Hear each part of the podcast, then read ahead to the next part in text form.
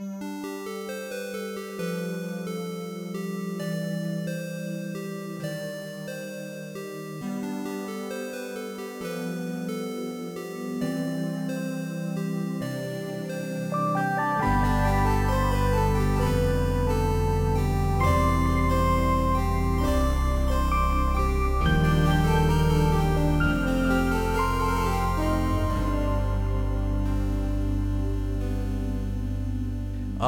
yes, det er februar. Valentines begynner å nærme seg. Det er vår i lufta, og snøen laver ned. Og da er det bare én ting å gjøre, folkens. Det er å krype godt inn i sofaen igjen og høre på Crossover Gaming, episode 81, der vi snakker om dataspill hele året rundt, enten du har funnet din valentine eller ikke. Eh, og, og har du ikke funnet din valentine, så er det kanskje like greit, for februar 2022 blir jo tidenes travleste spillmåned, så da har du ikke tid til sånt. Da er det gaming som står i fokus. Velkommen skal du være til episode 81. Eh, Jeg heter Ingar Takanobu Hauge. Min cohost eh, Peter han skulle egentlig være med, men eh, han er litt gr grumsete i halsen eh, akkurat eh, nå. og ja, i de tider som det er fortsatt, så tar vi ikke noen sjanser. Han fikk lov å få fri. Jeg ga han gyldig fravær fordi han var så godt inne i å spille The Forbidden Forgotten City, som han jo fikk av meg, så da må han jo eh, få lov til det. Men eh, folkens, fortvil ikke, for vi har med oss gjest i dag. Eh, det er et gjensyn fra episode 48, så vi har allerede avtalt at sånn ca. episode 120 og noe skal vi få komme tilbake igjen og være med nok en gang. Eh, musiker, eh, mediesarbeider, alltid mann og eh, showman, og ikke minst spillentusiast tusen. Ta godt imot Jon Edvard Genius. Hei, tusen takk. Hei, Kjekt å være tilbake. Velkommen tilbake. Dette var kjekt. Long Ja. overdue, må vi jo si. Veldig hyggelig. Jeg skal jo innrømme at jeg har jo sånn halvveis invitert meg sjøl. Etter at jeg har eh, kjent at åh, jeg trenger å snakke om eh, spesielt uh, en viss webcrawler, men òg sterkt å snakke litt om spill. Så dette, dette, dette blir kjekt. Absolutt, absolutt. Uh, vi skal jo snakke om Spiderman i dag. Uh, det er jo ikke bare at det er god spillånd og alt sånt, men Spiderman er jo endelig ute. Uh, etter mange forsinkelser så har jo den endelig kommet ut på kino. Og ja, vi må jo si at vi er jo absolutt i ar arachnid-form i disse tider, så jeg tror vi har veldig mye på å snakke om akkurat der.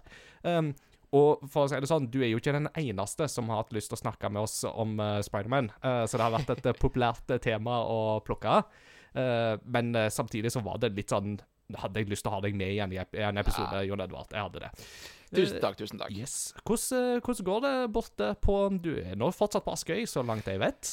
Jeg er fortsatt på Askøy, og tja, nei eh, Det har jo vært eh, noen eh, De siste månedene spesielt, sånn etter at Norge stengte ned igjen, har det jo vært varierende tider for oss alle, tror jeg, med litt sånn eh, Har man noe kjekt, og så plutselig ser man på nyhetene, og så blir man litt deprimert igjen, og så spiller man et kjekt spill, og så gjør man noe kjekt, og så ser man på nyhetene, og så blir man litt bekymret igjen, og Så, så, så trikset er det egentlig ikke se på nyheter? Ja, bare ikke se ut vinduet, eller eller det.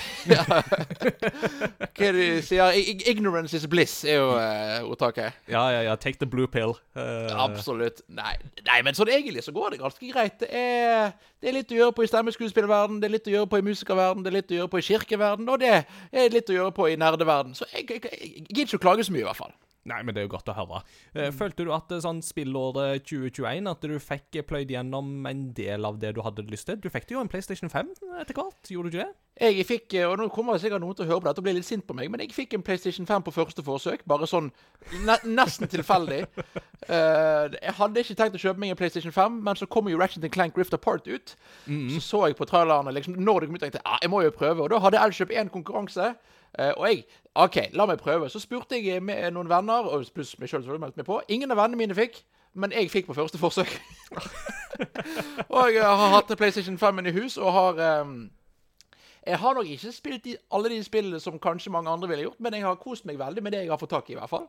Ja. Så, eh, ja, så spillåret 2021 var for meg et eh, Det manglet den store, store liksom store trippel A-spillet, men det hadde likevel mye kost med meg. Jeg vil jo si kanskje at det beste for meg i fjor, det var Kana Bridge of Spirits, faktisk. Ja, Kana. Åh, en uh, kjær favoritt her i podkasten òg. Den har vi jo snakka varmt om. Det er veldig veldig bra. Jeg gleder meg veldig til å se hva Amberlab gjør videre, altså utvikleren. Absolutt. Absolutt. Samtidig som jeg òg synes Nintendo, selv om de hadde ikke noe Kall det Dias, Mario Odyssey eller Breath of the Wild, men de hadde veldig mange gøye småspill. Altså, de hadde Metroid Dread, da. Det var jo mer enn nok for noen av oss. Det stemmer. Eh, Jeg er fascinerende nok ikke i den. Jeg er i den kategorien som aldri helt har falt for Metroid. Men jeg koste meg veldig med både Pokémon og WarioWare var, var store, årets overraskelse fra de. Ja, absolutt. Det var jo et sånt spill som traff godt eh, da det kom ut, eh, tror jeg. Og som ehm, Det er jo et sånt Det har jo vært et litt sånn hull for meg, faktisk, WarioWare. Um, en sjanger, en, en spillserie som jeg ikke har hatt så mye med. Så ja. Nei, men jeg, jeg, var- jeg var litt i samme båt som deg, men jeg har jo kan Kan komme tilbake til senere. Jeg holder på blant annet med spill, spillanmeldelser på TikTok. Jeg er blitt sånn ung og hipp. Eh, Men der, da, da fikk jeg bl.a. anmelderkopi av WarioWare, og liksom tenkte at ja ja, hvorfor ikke? Og så var jeg ble jeg rett og slett ekstremt positivt overrasket av det. Ja. Nei, men så kjekt. Ja. Ja. Vi kommer sikkert mer tilbake til litt sånn spilt i det siste og sånt i del to, og da er det jo lov å streife litt eh, langt tilbake i tid for din del, fordi at eh, hva du har spilt siden sist, det begynner jo å bli liksom Du, kan liksom ta for deg det siste året, du. eh, Ja, ja, og, det, og det er veldig bra. Vi ser veldig fram til en fullpakka episode, og ikke minst er han fullpakka fordi det er masse nyheter eh, som har kommet det siste. Så la oss bare gå i gang.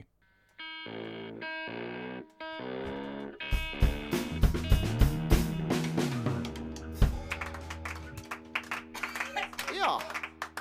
Eh, himmelsk lyd fra ungdommene. Eh, nå er det ukens kunngjøringer.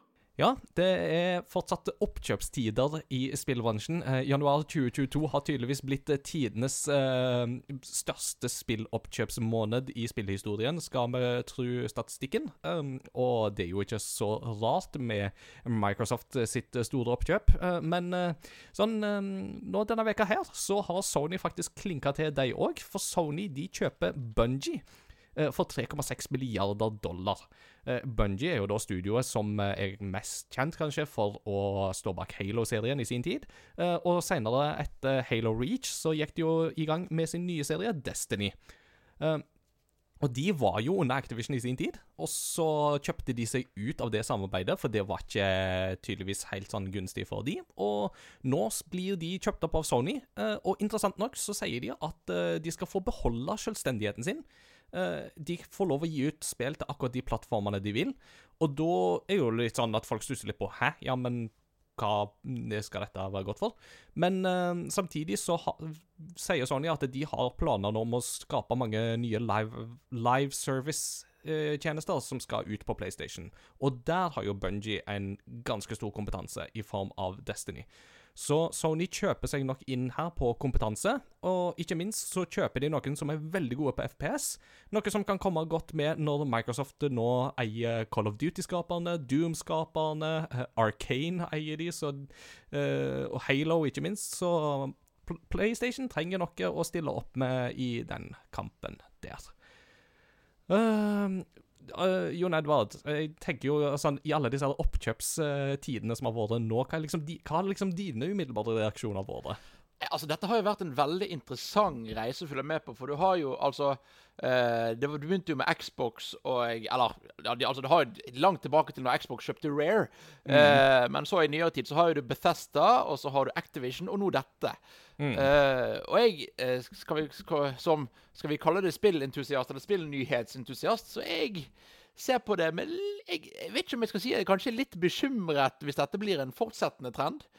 Eh, rett og slett fordi at uh, jeg er redd for at vi nå, nå begynner det på en måte å se ut som at i hvert fall Sony og Microsoft kjøper opp flere og flere studier tilsynelatende kanskje for å få de vekk fra motstanderen. Eh, så jeg, og jeg synes også veldig sånn det med Sony, for dette er veldig, virker veldig som at Sony gjør det som en kompetansehevning. Mm, ikke sant? Som òg er jo en annen måte å se på det. Og så er jo spørsmålet hvor mye gjør de for det, og hvor mye gjør de det for å si, Hvor mye kom denne nyheten ut nå, rett og slett bare for å matche Microsoft eh, med Activision? Det er veldig, For der òg er jeg veldig nysgjerrig. Hva skjer på andre siden? Er vi der om to år at eh, Call of Duty ikke er på PlayStation lenger? Eh, eh, Det er vanskelig Ja. å vite. Ja, eh, der har jo um, De har jo sagt at de skal respektere de avtaler som allerede er satt, og de avtaler som er satt, sier i alle fall tre Call of Duty-spill på PlayStation framover. Eh, men tida etter det så er det jo veldig god grunn til å anta at Call of Duty vil faktisk forsvinne fra PlayStation-plattformen. eh, og det vil jo ha ganske um, stor betydning for mange spillere. Og jeg tenker jo òg det at i Altså, når, når, Sony har kjøpt seg inn nå i Bungie, så det er jo ikke snakk om at de skal fjerne Destiny fra andre plattformer. Det vil jo ikke skje. Altså, det ville bare vært tidenes anti-PR-stunt. Eh, så de som spiller Destiny, kan kan ta det med ro på det området der, men det er jo som jeg sier, ikke sant, altså det er en kompetanseheving, dette her, som, eh, som absolutt koster litt, men eh, sånn er det i denne bransjen. Ja da, det er egentlig Men det er liksom, selv om de sier de skal respektere avtaler, og Destiny skal ikke gå Altså skal ikke bli eh, eksklusiv. Det, det, det tror jeg på. Men jeg tror jo likevel i det lange løp så er jo dette en dårlig nyhet for den, den veien vi har vært med multiplattform eh, og crossplay og alt dette. Hvor vi vet at Sony spesielt har vært ganske vanskelig på crossplay. Og, spesielt når det gjelder ting med økonomi og sånn. Senest i går spilte jeg Fortnite med noen venner. eh, hvor jeg da har vært så dum å kjøpe V-Bucks på Nintendoen. Altså på Ja. Switchen. Oi, nå er det Nintendoen. Og så, nå følte jeg meg som jeg var min mor her. Jeg kjøpte det på Nintendoen. ja. Uh, men jeg, jeg, kjø- jeg kjøpte da V-Bucks på Switch, og da måtte jeg da logge ut av PlayStation uh, min og åpne Switchen for å kjøpe det jeg hadde lyst på. Fordi der var liksom det er, Vi er fortsatt ikke helt i mål, eller langt ifra mål, med dette med, med cross-progresjon spesielt. da. Eh, og jeg tror jo ikke at det som skjer nå med at Microsoft og uh, PlayStation skal, eller Sony skal drive og hooke til seg store publishere, det er- vet ikke om jeg er så heldig. For det er på en måte også det jeg har tenkt veldig på, er at før så var det da f.eks. Nintendo kjøpte Jeg tror det var Next Level de kjøpte for ikke så lenge siden. eh, som har produsert eh, Luigi's Mansion. Det er jo Eller eh, Sony, kjøpte de noen gang Bluepoint, eller var det bare et rykte? De kjøpte Bluepoint. De kjøpte, de kjøpte Bluepoint. Ja, for det var mye fram og tilbake. ja, det var litt fram og tilbake, men det ble et kjøp til slutt der, Ja. ja. Hvor det er jo å investere i en utvikler som du allerede har på en måte, De var jo på Samme som Insomniac ble jo kjøpt overraskende nylig, hvis du ser på Insomniacs lange løp. Eh, men dette her er jo mye, mye mer eh, eh, Spesielt Activision er da oppkjøp av noe som eh, Altså, det, det var jo ikke naturlig. Det var ingen som tenkte det var en naturlig oppkjøp av Microsoft. Nei, nei, nei. Altså, for her er vi jo inne på det der med skillet mellom andreparts- og tredjepartsutvikler. Ikke sant? At eh, sånne studier som Housemark og Bluepoint og Insomniac har jo på mange måter fungert i praksis som andrepartsutviklere for Sony.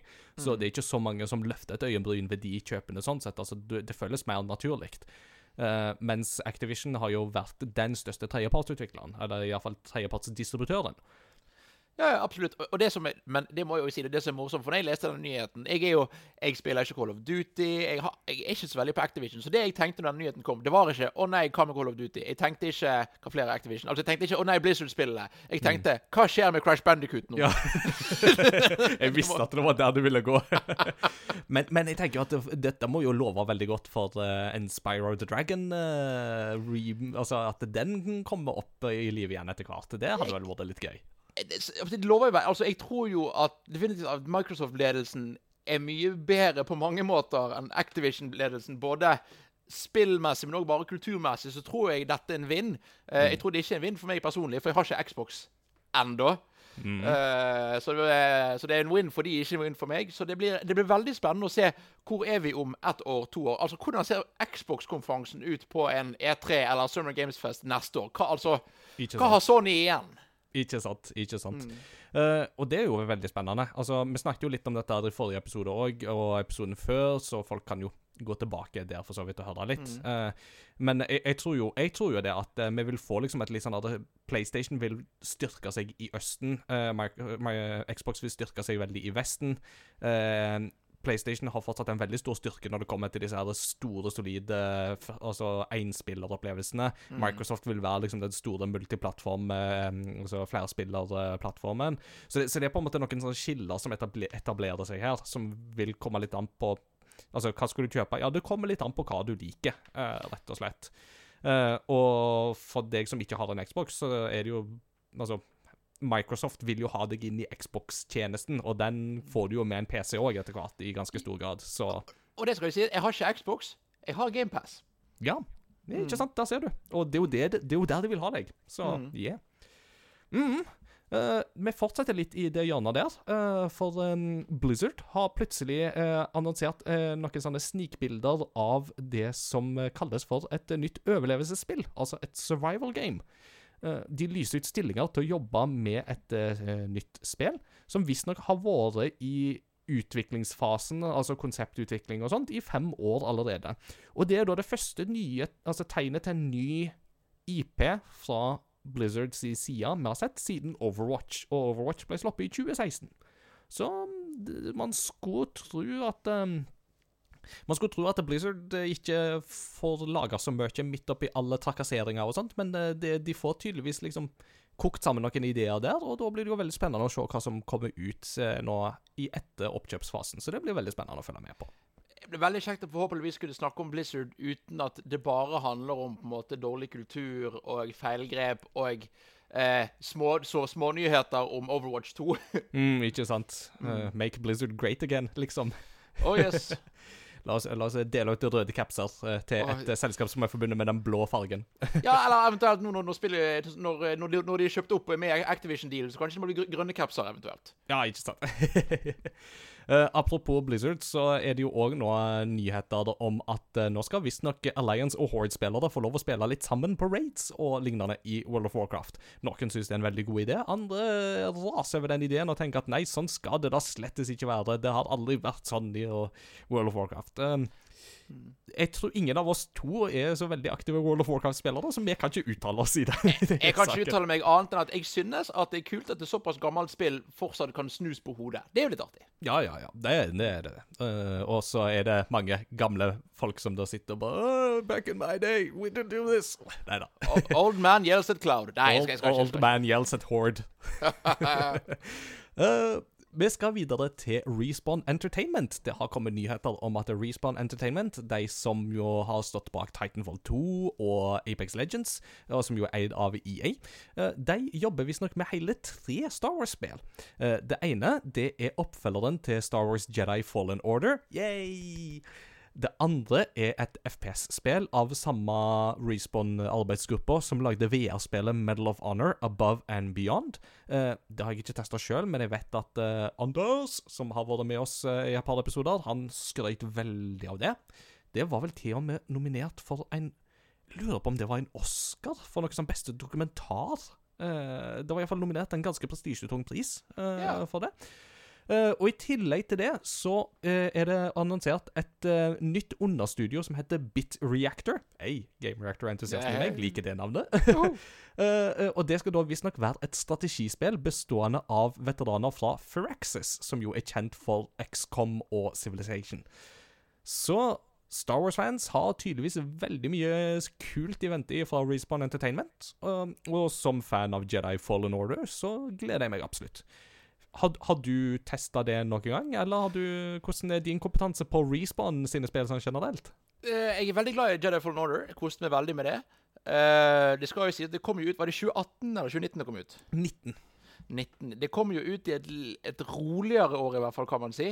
Uh, hvor som jeg tror var, var bra for det spillet. For det fikk litt mer oppmerksomhet. Selv om det allerede hadde fått mer oppmerksomhet. Fikk den lille ekstra pushen så eh, Jeg vil si han fortjente på noen måter, ikke på andre måter. Eh, Jeg vet at Teknisk var det en del problemer. Mm. Eh, men jeg koste meg veldig med det.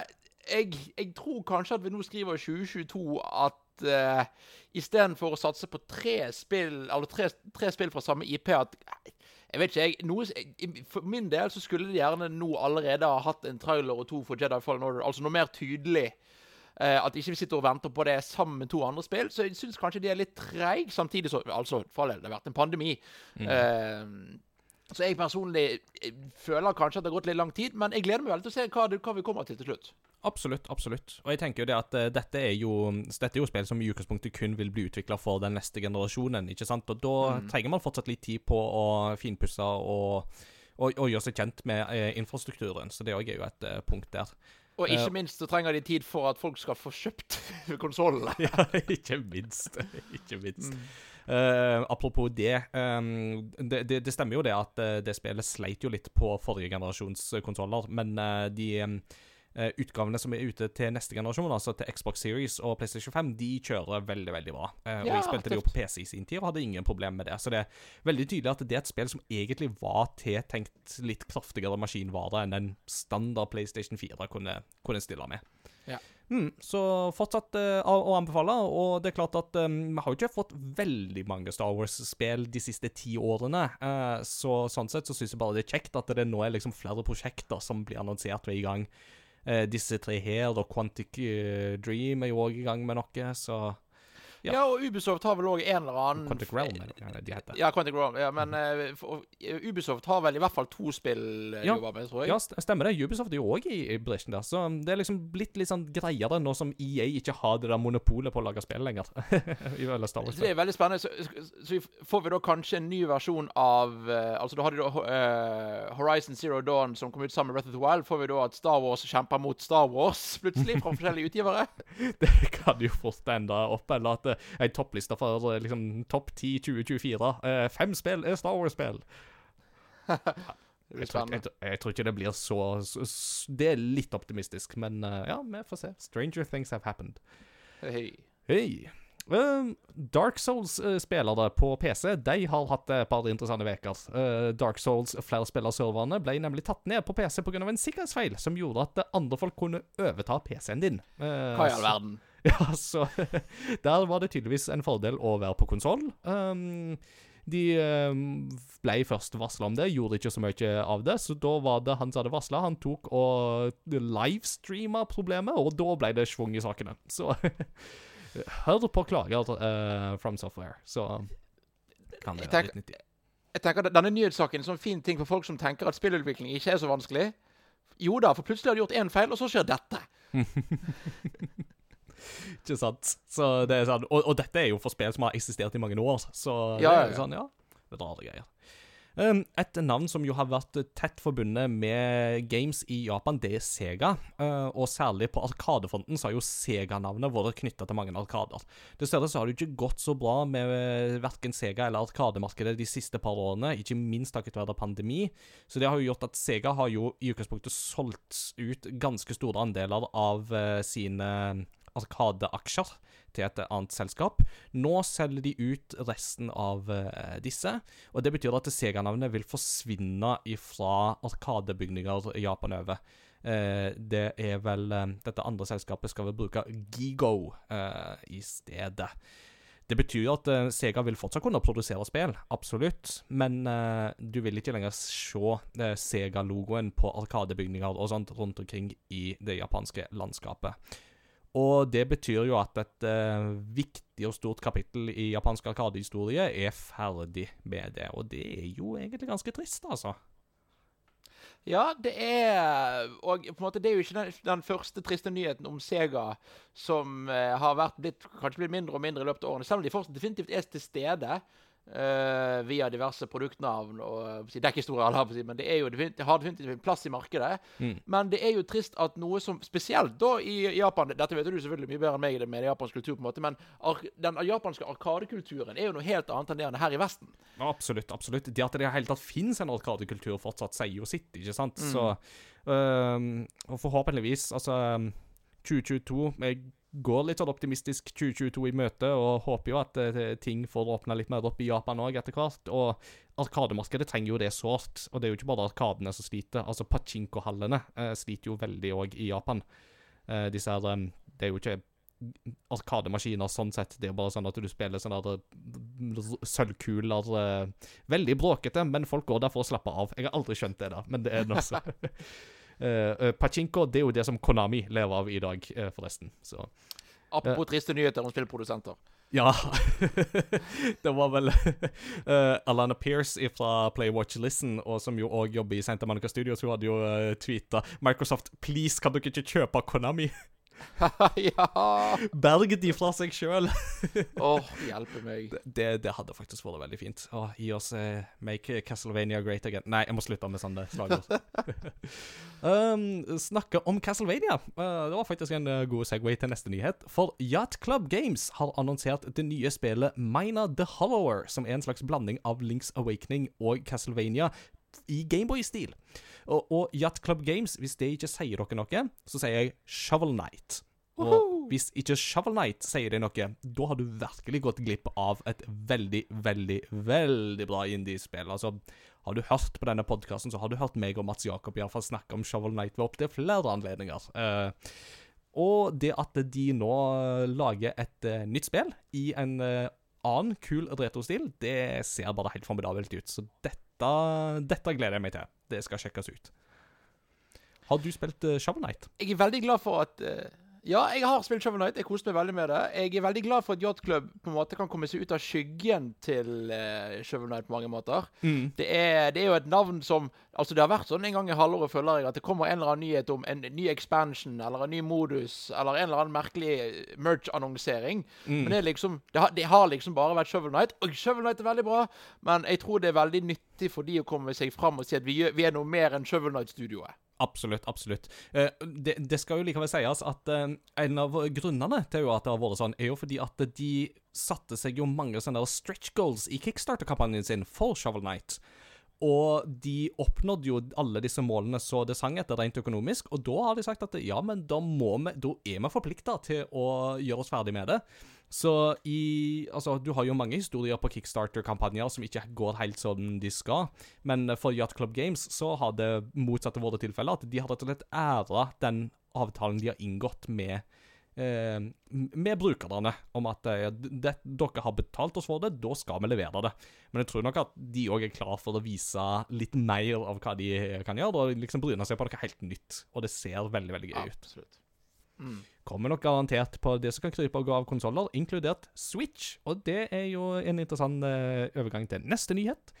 Switch har nå passert Wii i antall solgte konsoller. Jeg skrev Wii U i kjøreplanen, men det, er den har du jo passert for lengst. Ja, for jeg, jeg leste det nå, og tenkte jeg dette må jo være feil. ja, det var feil. Eller det er Eh, for så vidt- det er for så vidt rett, men det er ganske lenge siden. Ja, det er ganske lenge siden. Eh, men eh, for Wii solgte jo i sin tid 101,63 millioner konsoller. Switch har nå per desember 2021 solgt 103,54 millioner, og er dermed den bestselgende hjemmekonsollen til Nintendo i deres historie. Hey. Det er ganske imponerende, og det vil jo si at de neste store stretch goals, det må jo være å um, passere um, eh, PlayStation. Eh, nei, eller først så må de vel passere 3DS. Nei, unnskyld. DS må de passere først, med 155, 54, 55 millioner, og rett eh, over der igjen PlayStation 2. Og altså, det er jo ikke umulig at det kan skje. Eh, de har jo et voldsomt momentum som ikke ser ut til å stoppe med det første. Iallfall ikke nå når eh, 2022 begynner med både Pokémon og Zelda og Splatoon og alt mulig. Bayonetta 3. Det kommer jo ting som perler på en snor i år, så det Hvem vet? Kanskje de faktisk Kanskje Switch blir tidenes bestselgende konsoll? Ja, for det jeg synes er interessant, er at Wii-en på en måte fikk jo Mast jo veldig momentum etter de første store spillene. Og det hadde på en måte altså Galaxy 2 og Skyward Sword, men det var likevel langt imellom si, de store spillene. Eh, og mens nå uh, Switchen har på en måte selv, med selv de rolige årene så har det vært, det har vært ting hele veien. Eh, og nå på en måte vi, Det er veldig interessant å følge med nå, for nå har, vi da, har vi andre Pokémon-spillet på to måneder til samme konsoll. Ja, ikke sant? Så jeg er veldig nysgjerrig på hva det gjør med salgstallet. Og vi Altså, Breath of the Wild 2 skal jo komme i år, og Splatoon 3, som virkelig er stort i Østen, eh, skal komme i år. Så Eller er det Ja, det, det er bekreftet år, sant? Ja da, det er bekreftet 2022. eh, og det samme er jo Bayonetta 3 er jo òg bekreftet for 2022 i utgangspunktet. Og Kirby kommer jo nå i mars. Så det er mange ting som kommer, så det er bare å eh, være, være duka for det, altså. Og det er klart at eh, eh, jeg tror jo òg at Nintendo tjener litt på det at eh, når folk ikke får tak i en PlayStation 5 eller eh, eventuelt en Xbox, så tyr de jo gjerne til en Switch i stedet. altså, fordi at det er liksom altså, Hun får jo ikke tak i grafikkort heller, ikke sant, for det er jo så svindyrt. Mens altså, Switch blir på mange måter det billige alternativet som faktisk går an å få tak i. Ja, ja, og det er på en måte Og jeg er jo en av de som aldri har hatt troen på at en Switch Pro er så garantert som mange har tenkt. Men det blir likevel eh, Altså, jeg, jeg tror at nå med at de har OLED som på en måte er Pro-modell, den dyrere modell, og med vanlig og med mini, eh, light, li- Switch Light, så er det på en måte Det er noe for alle. Og jeg, eh, jeg er veldig spent på å se når dette Switch-toget eventuelt stopper opp. For det, det er ikke i år. Og jeg, jeg tror at Nintendo altså kan holde det gående en stund til. Absolutt, absolutt. Eh, et artig sammentreff som eh, Christian i um, discorden vår kommenterte. Eh, det har blitt solgt omtrent like mange Switch-maskiner, 103,54 millioner, som det har blitt solgt spill til Wii U, 103,45 millioner. Så det, det var en Wii U-kobling inni der et sted, altså. Det, det var det. Ja. Det, og det, og det, skal sies, vi hadde ikke hatt Switchen uten Wii U. Nei, det hadde vi faktisk ikke. Wii U er et viktig ledd i den historien, og ja, absolutt. Et veldig godt eksempel på hvordan et konsept eh, blir videreutvikla, at man lærer av sine feil til å skape noe nytt og bedre. Absolutt. Skape noe nytt og bedre, det får vi jo se om Crytek gjør når de har annonsert Crisis 4. Uh, Crisis 4 er nå annonsert, uh, og det er vel kanskje greit, fordi at spørsmålet 'Can it run Crisis?' er liksom ikke så spennende lenger. Altså, det meste kan kjøre Crisis nå. Uh, så da blir det jo spørsmål om Crisis 4 vil bli en ny sånn her um, benchmarker eh, for, um, for tech. Eh, det er kun annonsert. Det, vi har ikke sett så mye mer enn en logo, men det er iallfall spennende å vite at de jobber med det. Ja, og jeg, jeg vil bare si Altså, jeg har ikke så mye å si om Crisis, men hjelpe meg for noen overganger du har, Inga. Dette er imponerende. det, var, det var litt lettere i dag enn det det har vært til tidligere ganger. Så uh, what can I say? I am I am on a roll. Uh, another thing that's rolling is uh, the round ring of Halo. Uh, for det, har seg jo sånn at Halo-TV-serien kommer jo faktisk i år på Paramount Plus. Uh, Den har nå fått en uh, litt mer skikkelig trailer, og det spill, uh, spillet, sier jeg, den serien kommer 24. mars. Uh, en eh, trailer som ser veldig pen ut, absolutt, men hvorfor i all verden bruker de en sånn her eh, slow version av en Phil Collins-sang når du har Halo-musikken du kan bruke til å annonsere dette her? Åh, det, er, eh, det, det, det irriterer meg litt, sa det. Der fikk jeg utløp for det. Jeg, jeg er veldig nysgjerrig på om dette Altså, jeg, jeg er ikke så, så, aldri vært Xbox- Xbox-person, og dermed aldri en eh, Halo-person, men jeg er veldig nysgjerrig på hvor mye kommer dette, det, dette til å være for å få folk til å spille Halo? Altså, det kommer, altså hvor mye kommer det til å være et Halo, en hel, et Halo-konsept? Eller hvor mye kommer det til å være et, en helt grei actionserie som får folk til å spille Halo, men som egentlig, egentlig ikke er så veldig eh, eh, sant til serien? Nei. Ja, jeg- det, det spillet. Mm, mm. Jeg frykter nok at det nærmer seg sistnevnte, for det er ting Altså, det Vi skal jo være forsiktige med å uttale oss om historien, men det en får glimt av i historien i traileren, tyder veldig på at uh, de skriver om en del ifra Lauren her. Um, og Altså, Halos law kan man jo si mye om. altså Til tider så er den veldig interessant, til an an- andre tider så er den fullstendig intetsigende eh, og veldig sånn nesten bakgrunnsstøy. Men den er i det minste ganske godt etablert. Altså, Den ble jo skapt av Bungie, som vi var innom tidligere i sin tid. Og det, særlig liksom de tre første spillene og Halo Reach har etablert en ganske god, spennende law som jeg gjerne skulle ha sett overført i um, TV-form òg, på en eller annen måte. Men vi får se. vi får se. Det kan hende at eh, de kjører en helt egen eh, greie, og det kan hende at de eh, kjører Ja, vi får se hva de, hva de gjør. En um, annen kjapp nyhet, et par små kjappe nyheter til slutt. Uh, vi er liksom inne i dette her med ting som er blitt annonsert og som kommer. Uh, det er òg tilfellet for Final Fantasy 7 Remake Part 2, som skal vises fram i 2022. Hvis vi får det til, uh, har Square Enix sagt. det er en veldig sånn optimistisk måte å si at uh, pandemien har ramma oss òg. Vi jobber med saken. Uh, så de som håper på en part two i år, de må nok se lenge etter det. Ja, eh, og dette er jo òg spill som bl.a. Tetsuya Nomura har vært involvert i. Eh, En mann som aldri har vært kjent for å være særlig effektiv i produksjonen av spillene sine. Nei, det er jo sant. Og når han først får de ut, så er de jo bare crazy bunkers bananas. Så Ja. det uh, Skal du fortelle oss hvordan uh, historien i Kingdom Hearts fungerer, Jon Edvard? Nei, du, å, du dette, han fungerer ikke. Det er det som er greia. Nei da. Det er Jo, nå, nå skal du høre. Nei, da skal du høre. Ingen forstår historien i Kingdom Hearts. Sånn, ferdig. Disney gøy, woho! Ja, ikke sant. Nei, men det blir interessant. Jeg var jo litt mer lunka til remake part one enn det en del andre var, men eh, jeg er fortsatt spent på hvor de skal ta det videre. Det er jeg jo. Og det å se det utvikla dedikert til PlayStation 5, det blir veldig artig. Mm. Eh, noe som heller ikke kom ut i år, det er Suicide Squad Kill the Justice League. Et av spillene jeg så fram til i 2022, men det er nå utsatt til 2023. De har bare like gjerne sluppet den allerede nå, og bare sånn Nei, 2023. Og da må vi bare si det er greit. Et spill som derimot har fått dato, det er plutselig Ghostwire Tokyo, det nye spillet fra Tango Gameworks, eh, studioet til Shinji Mikami, mannen bak Resident Evil. Eh, det spillet kommer 25. mars. Så det var litt sånn Plutselig så var de ferdig med det, og det kommer neste måned. Samme dato som Kirby. Så de som ikke vil spille Kirby, eller ikke har en Switch, de kan eh, eventuelt sjekke det ut. Eventuelt de som syns Ghostwire Tokyo er for skummelt, kan spille Kirby. Ja, ikke sant? Ja. Syns du Jeg jeg, ikke Kirby er skummel, da? Han spiser jo alt. Altså, al- al- Kirby ser ikke skummel ut, uh, i hvert fall, kan vi si. Og så kan heller Tankene bak velger jeg å uh, ignorere. uh, men jeg må jo bare si om Suicide Squad Er vi veldig vi er, Altså, jeg, er i hvert fall, jeg er ikke veldig overrasket av nyheten, selv om det er kjipt. Det var vel kanskje litt forventet, eller hva tenker du, Ingar? Ja, jeg tenkte at det var optimistisk å tenke at det skulle komme i 2022. Um, ikke minst fordi at de utvikler det jo dedikert til neste generasjons uh, konsoller. Um, og da tenker jeg at de har ikke et de har ikke bråhast med å få det ut i 2022, og allerede Vi har jo et annet uh, Warner Bros.-spill som kommer i år, og det er jo Gotham Nights. Eh, og det har de jo bekrefta at det skal komme i 2022. Så sånn sett så er det kanskje naturlig å tenke at de vil spre det litt utover, og at det er Rocksteady som får litt mer tid til å jobbe med tingene sine.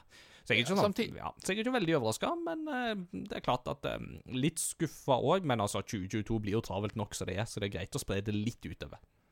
Absolutt. Samtidig så vi har jo Vi så jo da med Avengers hvor gale det kan gå hvis spillet ikke er ferdig når det kommer ut. Mm, absolutt.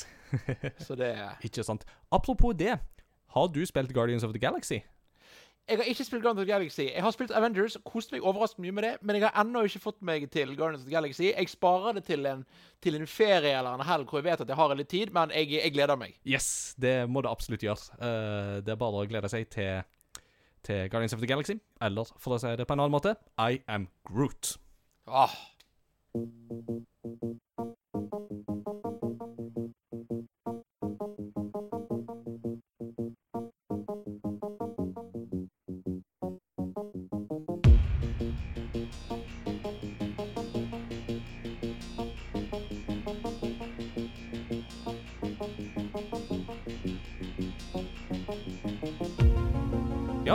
Marvel-helter var jo egentlig en grei overgang, det òg. For eh, vi skal nemlig snakke om en Marvel-helt i dag. Eh, Spiderman er jo på alles lepper igjen, iallfall i Norge akkurat nå, nå som Spiderman No Way Home endelig er kommet ut.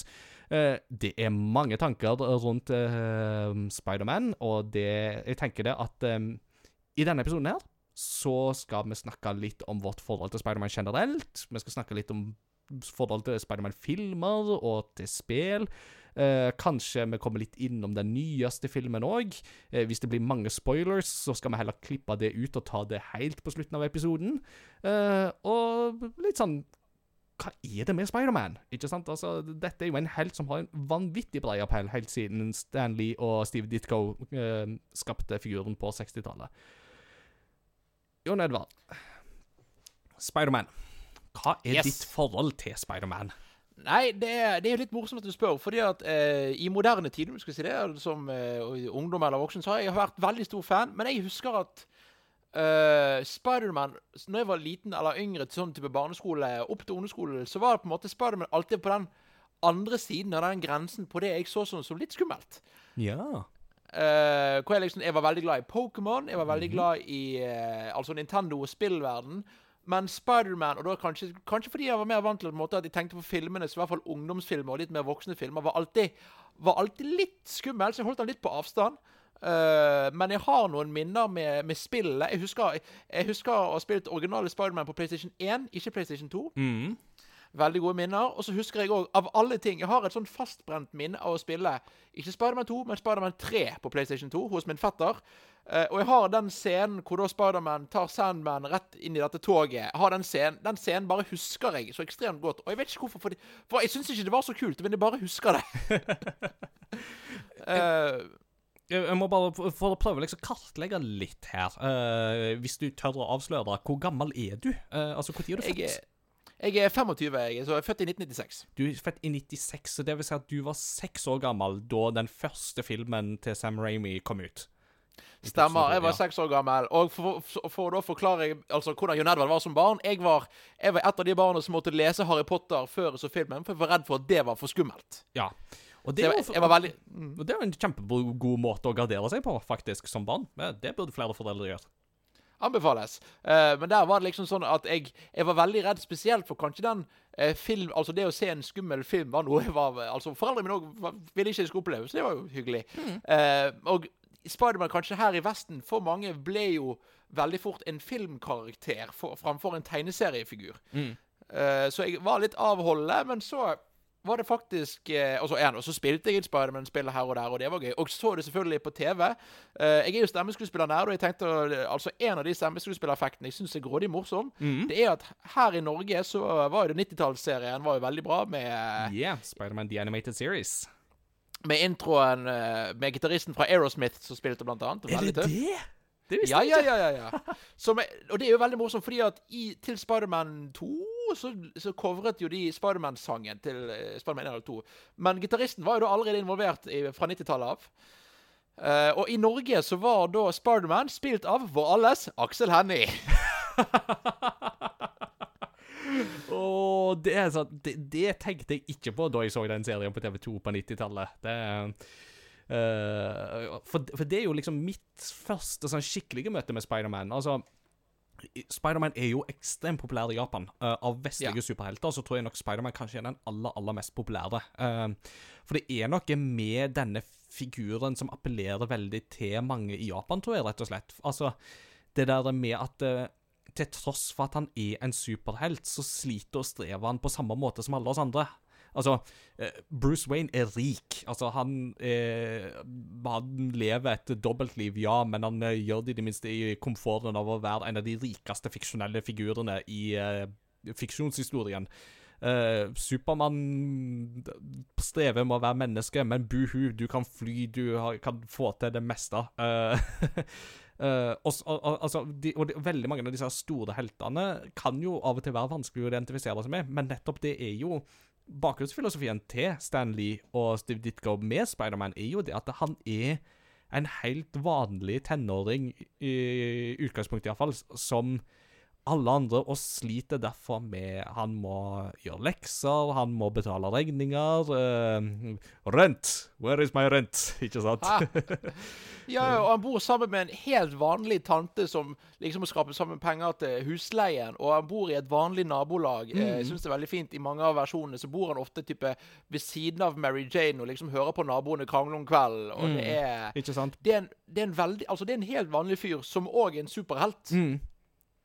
Og, og, og ikke minst, men så er det jo noe med dette her med at Spiderman har en har en veldig rettferdighetssans, eh, som jeg tror òg kanskje appellerer til veldig mange. ikke sant? Med at de, de skulle så gjerne ønske at de kunne gjøre ting, men får det ikke til. Eh, samtidig også at det er jo dette klassiske mantraet, ikke sant, at uh, with greater power comes the uh, Ja, altså with great power comes uh, great responsibility. Eh, det er jo ikke helt sånn det faktisk er i tegneserien. Det, der treffer faktisk den siste filmen sitat uh, enda bedre. Uh, uh, must, must also come greater responsibility, er det vel, tror jeg. Noe sånt. Mm, noe sånt, ja. Um, og, um, og, og, og jeg tror at det, på en måte så er det noe som appellerer til veldig mange der ute, nemlig det der med Har du faktisk muligheten til å gjøre en forandring, så står det òg i din makt til å gjøre det. Men har du ikke veldig mye du kan stille med, så er det klart at uh, da er det kanskje ikke din oppgave å skulle ta de største oppgavene på deg, men du kan iallfall gjøre noe med det du har. Uh, og Spiderman klarer å gjøre det lille han kan med det lille han har som Peter Parker, og som Spiderman så får han muligheten til å gjøre så veldig mye mer. Ja, og så samtidig så jeg tror at mange også kjenner oss igjen i det der hvor når Peter Parker kan gjemme seg litt som Spiderman, så tør han å på en måte Han tør å ta det steget. Eh, om det gjelder å redde noen eller i nød, eller om det redder bare det å ha en småmorsom kommentar, eller bare det å slippe seg løs og ha det gøy når, mens han svinger gjennom New York. Og det jo tror jeg er noe som mange kan kjenne seg igjen i, det der med å For Peter Parker er nerd, altså i forskjellige versjoner, på en måte. Absolutt. Eh, men han er og han, det, det er ting han ikke tør. Og igjen, den klassiske Han tør ikke å snakke med jenter i Alma Mary Jane i Tom Maguire-filmene. Eh, men det, det gjør Spiderman. Og det er jo den følelsen av at å kunne gjemme seg vekk for å ta mer plass, og er jo en veldig relevant ting, tror jeg, for spesielt mange som, som på en måte som kanskje er i samme situasjon som Peter. Ikke sant? Så ja. Så mitt første forhold var jo da serien på TV2, som sagt, da den gikk på 90-tallet. Uh, det var liksom det første skikkelige møtet. Og så da uh, Da Spiderman kom i 2002, da var jo jeg på ungdomsskolen, midt i ungdomsskolen, så jeg var jo i perfekte målgruppa for den filmen. Uh, og det er veldig lett å gå tilbake i dag og liksom påpeke ting med, med den, absolutt. Uh, men det skal sies at den gjorde jo et vanvittig sterkt impact for superheltsjangeren da den kom, i 2002. Altså, Før det så var det jo Batman-filmene. Altså Batman, Særlig liksom den første Batman-filmen fra 1989, fra Tim Burton, står jo fortsatt som en av mine favoritter. Uh, men det var liksom de siste årene så hadde liksom superheltfilmer Det hadde liksom stort sett vært på en måte Batman og Robin som vi ikke snakker om. Uh, og uh, X-Men hadde jo for så vidt liksom prøvd å gjøre noe, men hadde jo ikke liksom budsjettet til å gjøre noe veldig stort. Og så kom på en måte Spiderman og sprengte en del av disse her grensene uh, for hva superheltfilmer kunne være. Og da, da er det jo klart at når du i tillegg har en av verdens aller største IP-er eh, med deg, så ble jo den filmen absolutt en, en kassasuksess, ikke sant? Eh, og ikke minst, det skapte jo filmhistorie. Altså, opp-ned-kyss i en regntung bakgate. Det, det, det, det bildet der er jo så ikonisk at det kjenner folk igjen, selv om de ikke har sett filmen engang. Ja, og det er noe med at altså, den Spiderman som du ser, altså Tom McGuire i den drakten, den drakten er jo for mange så er jo det hvordan Spiderman ser ut den dag i dag. Altså Det er liksom det er de øynene, det er den fargen, det er den drakten med de veldig utstående på en måte edderkoppnettet, og det er jo veldig ikonisk. Samtidig som på en måte som Sam Ramy og gjengen der gjorde nettopp det som vi snakket om med Halo-serien, og vi var redd for det, med at de brukte kildemateriale. Dette var Spiderman. Eh, og Sam Ramy spesielt uh, Det finnes noen historier om hvordan han solgte inn dette til uh, Han som spiller Norman Osborn, det er jo Uh, Willem Defoe. Willem Dafoe. eh, med at han Sam Ramy forteller om, om Altså, han forteller fra tegneseriene om denne gode historien, og det selger hvordan du får på å bli med på det. Eh, så de brukte Altså, de klarte å bruke Spiderman-historien. De lagde ikke Hollywood-versjonen av det. det var liksom, dette var historien opp på lerretet på mange måter. Ikke sant. Ikke sant. Og det, det gjorde Altså, du, du hadde ikke den, den skaren med, med originale fans som sto liksom utenfor kinosalen og sånn Nei, det, det, dette er ikke ordentlig Spiderman. Eh, man, igjen, som du sier, man kan være uenig eller uenig med, uh, med valg av skuespillere. Og ja, da treeren spesielt, Hva, da er det mye man kan begynne å uh, pirke på. Ja. Men, men jeg, og jeg, jeg for min del jeg, Altså, Tobey Maguire er ikke min Spiderman. Eller, han, jeg syns han, er- jeg synes han spiller han for kleint.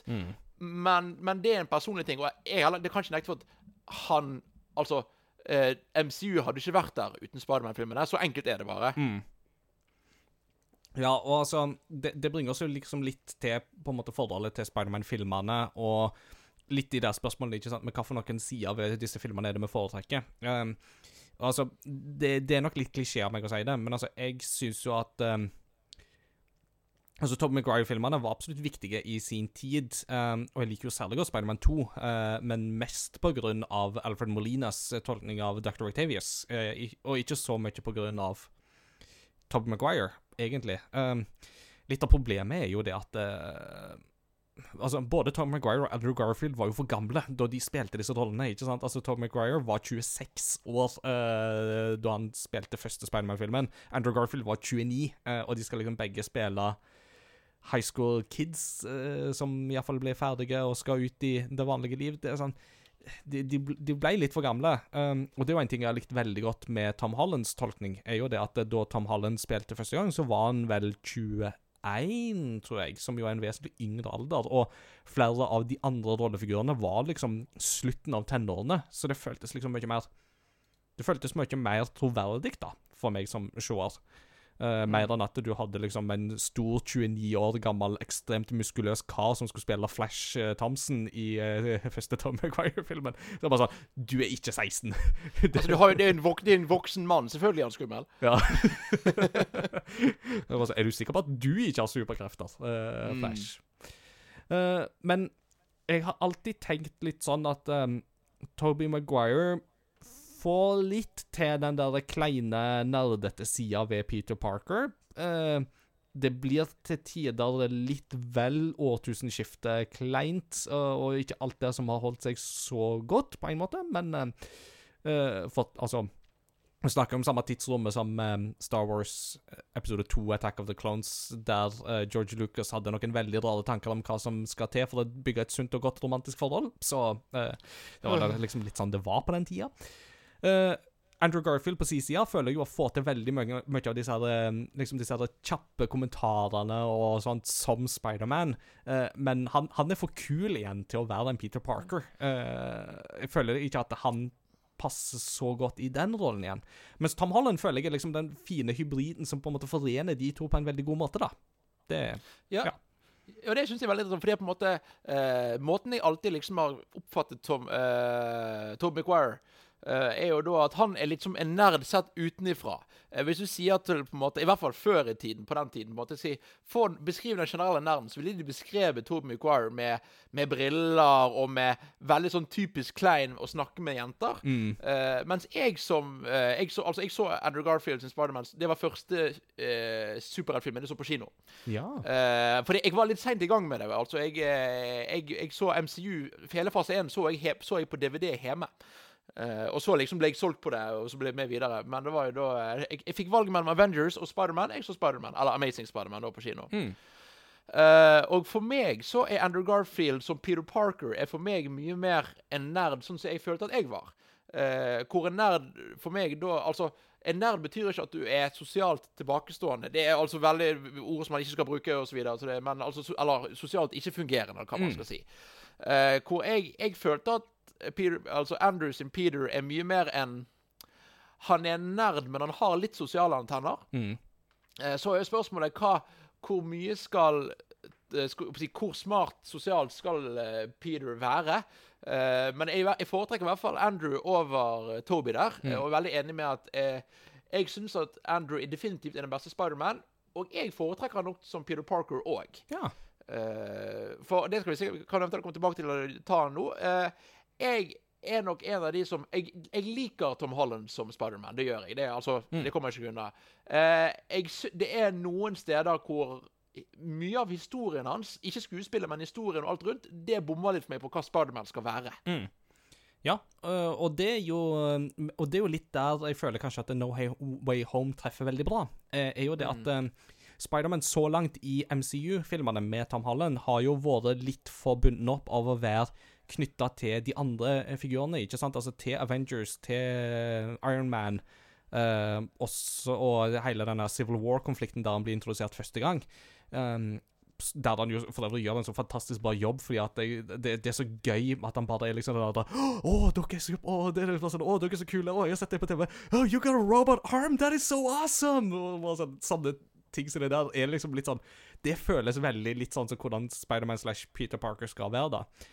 Men i No Way Home så får vi mye mer enn Spiderman-historie som får være en historie på Spidermans egne premisser, uh, syns jeg, da. Og det er jo der den filmen definitivt eh, treffer best, uten å spoile noe mer enn det. Ja, ja, og liksom det jeg For jeg husker altså Helt fra jeg begynte å se Tom Holland, i hvert fall, eller i hvert fall etter Homecoming, jeg, så jeg har likt å se på det, men det har alltid vært alt som manglet. Og jeg ble egentlig, etter hvert som jeg har sett de andre, de gamle filmene litt om igjen, så har jeg liksom innsett at vi snakket om det i begynnelsen. Livet til Peter Parker skal suge litt. Eh, han skal slite med å få nok penger til leie, eller Aunt May skal ikke ha råd til bla, bla. Det skal være Altså, livet hans er faktisk skal, Altså, en del av jobben må si, hans, Hvis du tar det ut av universet, en del av jobben hans er å, er å ha det litt kjipt. Eh, mens jeg føler at Tom Holland eh, har hatt det for bra, går det an å si. Eh, han har hatt Han har altså eh, alltid hatt en, Han har et helt Marvel-univers karakterer på speed dial. Han kan ringe hvor tid som helst. Eh, han har eh, både bestevennen eh, i Ned og en, kjær, en kjæreste, eller holder på å bli kjæreste, blir kjæreste osv. Mm. Han har denne drakten som allerede hjelper, og som ikke er hans Han har ikke utviklet den sjøl, og så allerede gir han ganske mange flere hakk enn både Andrew og Toby, og i tegneserien det han har til å begynne med. Mm.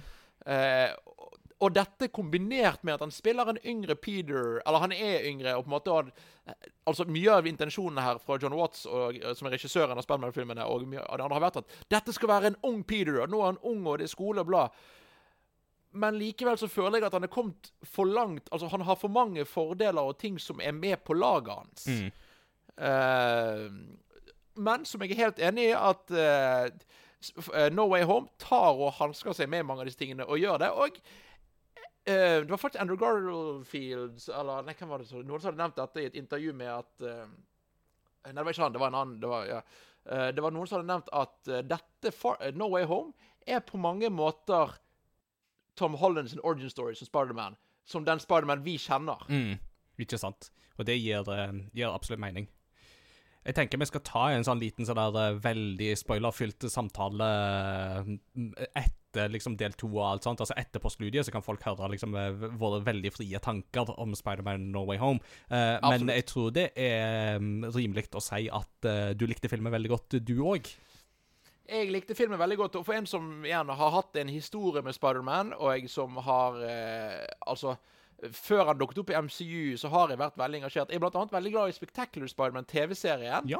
eh, som er veldig bra. Det er en tegneserie på 26 episoder som, gikk, eh, som ble produsert rett før Disney kjøpte Marvel, som betyr at dessverre ble den kansellert pga. rettighetene, rett og slett. Mm, Det er en Spider-Man-serie eid av Sony. mm, Eh, som gjør at det blir veldig rotete, dessverre. Men eh, jeg har vært veldig glad i Spiderman. mm. Eh, og for meg så var dette eh, virkelig en måte å hedre Spidermans historie på. Både som, som tegneseriekarakter med alt Peter Parker og Spiderman skal være, og på en måte Altså, det er jo ikke en altså, Vi vet jo at det peker tilbake til de forrige filmene på en eller annen måte. Det er vel lov å si. Ja, ja.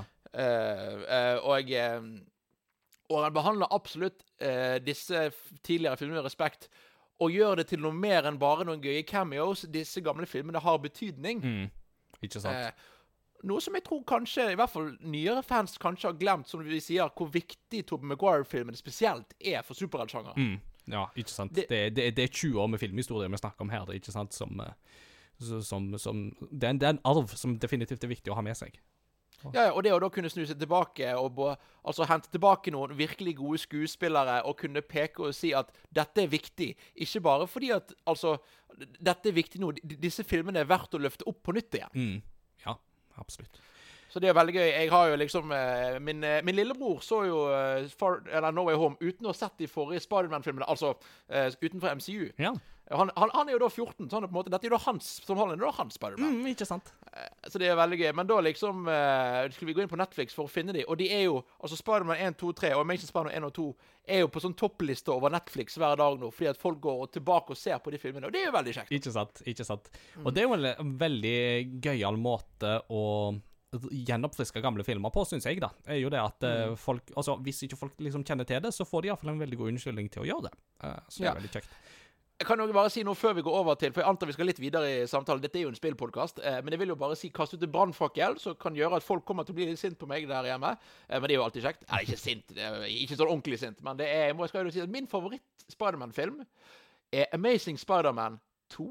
Ha, OK. Uh, interessant. altså, for all del, jeg syns at den er bedre enn The Amazing Spider-Man 1, faktisk. Altså, Der eh, strides jo folk litt, men jeg syns jo faktisk at Amazing Spider-Man 2 er bedre enn den første. Uh, det, det vil jeg si. Uh, men, men det er altså favoritten din. Eh, hva, hva vil du liksom bygge opp eh, det med? Altså Det første er jo på en måte Altså Byggesteinen som gjør at jeg syns Amazing Spiderman fungerer, er Andrew Garfield og Emma Stone. Mm. Eh, og det forholdet med der med Gwen og, eh, med Gwen og Peter Altså, jeg er en, eh, en Gwen-fan mer enn er en MJ-fan. Uh, og jeg syns den historien er, så, er en veldig fin historie, og måten den filmen slutter, gjør så vondt. Ja. uh, men er gjort så godt, vil jeg si, da. I hvert fall den biten. Og så er det Og, jeg, og en veldig enkel ting, men som er, appellerer til meg. Jeg syns det er den beste drakten. Uh, Spiderman-drakt. Absolutt, for den caller jo veldig til uh, Er det Ultimate Spiderman? Uh, altså det, det er veldig på en måte tydelig å se at det er Ultimate Spiderman som ligger til grunn for den drakta i Amazing Spiderman 2, og det syns jeg er veldig kult. Ja, og, og det er veldig store tegneserielignende si, øyne. på en måte. De, de tør å For mens Spiderman 1 prøvde på en måte å leke at det var realistisk, noe det ikke var. Uh, men de prøvde å late som så liksom Spiderman 2 og Amazing Spiderman 2. OK, vi kjører full tegneserie. Det syns jeg var tøft. Mm. Uh, og så har du uh, Jeg syns faktisk musikken til Hans Zimmer er veldig undervurdert i den filmen. Mm. Ja, nei, altså, uh, den har noen veldig kule ting, og jeg har hørt et par av de tingene live og sånt også, og det absolutt, har absolutt effekt, det, altså. Veldig, veldig stilig. Og så skal jeg jo si at det som på en måte Som for alle andre og for meg faller veldig sammen, det er historien. Mm. Eh, hvor på en måte du føler at eh, Selv om du har sett alt, så føler du at du går glipp av syv ting. For de teaser én skurk der i begynnelsen og en annen i slutten, og eh, Fiendish Five og Altså, mens denne Sinister Det er jo litt ja, ja, ja, ja selvfølgelig. Uh, Sinister Six. feil, feil, feil gjeng. Uh, Fiendish Five, hva er det fra? Ja, det lurte jeg òg på. Eh, Kan det være Ja, for noe jeg- Ratchet Clank-greier, eller? Jeg lurer, jeg lurer på om det er Slife Cooper, faktisk. At det er Slife Cooper-skurkegjengen. Ah! Today I ja, ja, ja. Men eh, det er da eh, Altså, eh, mens denne filmen ble produsert, så hadde da Sony planer om en Aunt May-spin-off-film, om en Black Cat-spin-off-film, mm. om Så det var på en måte denne filmen ble ødelagt av at Sony prøvde å selge inn mange andre eh, biter på veien, noe som er egentlig ganske trist. Eh, men det som er litt morsomt, er at eh, en, jeg, jeg så jo TV2-serien på, på 90-tallet og litt sånn tidlig 2000-tallet. Eh, og den følelsen jeg fikk, var at jeg så en random episode på TV og skjønte veldig lite hva som skjedde. Men jeg syntes Spiderman var kul. Mm. Min opplevelse av å se Amazing Spiderman 2 er at jeg skjønner ingenting. Altså, det er mye jeg ikke har fått med meg, og veldig mye altså, Det er et univers jeg ikke skjønner. Men det føltes som å se en episode av en TV-serie jeg ikke har sett så mye av. så liksom, det det liksom Når, når- når jeg har, da har den kjernen med, med Andrew og Emma og masse av kul musikk og kule fight scenes og gøye scener, så er det nok for, liksom, for det da grep meg, da. Ja. Eh, Det, er veldig, veldig bra sammenligning. Ja, jo, takk. For, for jeg sitter jo for øvrig nå og ser um, denne her animasjonsserien på nytt uh, i sin helhet Ja. på Disney Pluss. det syns jeg er veldig artig. Uh, og det slår meg jo at eh, det hadde vært veldig gøy å ha hatt Black Cat med i eh, mer eh, på en måte film enn eh, for, det, for det er jo en Spiderman-figur vi ikke har sett ennå i filmsammenheng. Eh, sånn Ja, altså, ja, eh, eh, Amazing Spiderman 2, så er hun uh, Hun er assistenten til Harry også. Ja, hun er jo det, da, for det er jo Felicia. sin- Mm. Ja. Spilt av Felicity Jones uh, fra Rogue Ja. One, eh, for øvrig. Så litt artig. Um, min favoritt-Spiderman-film har vi jo faktisk ikke snakka om ennå. For det er jo Ja, Into the Spider-Verse. Ja. Altså, for den animasjonen Altså, da jeg gikk for å se den filmen på kino, så tror jeg ikke jeg var i stand til å på en måte forberede meg på hvor bra den filmen faktisk kom til å være. Uh, altså, Traileren var bare sånn at Vet du hva, dette ser veldig kult ut, det må jeg få med meg. Men det å se den filmen i sin helhet på Colosseum, det var, det var så kul opplevelse. Det er ikke noen annen måte å si det på, men det er hele animasjonsteknikken der med hvordan de bruker forskjellige framerates eh, mellom figurer og bakgrunner, og ut ifra hvorvidt Spider-Sense er aktivert og ikke, og Altså, det er så mange tøffe ting de gjør sånn rent teknisk, men i tillegg så fungerer historien så utrolig bra òg. Eh, og hvem skulle ha trodd at Nicholas Cage fungerer utrolig bra som stemmeskuespiller til Spider-Noir?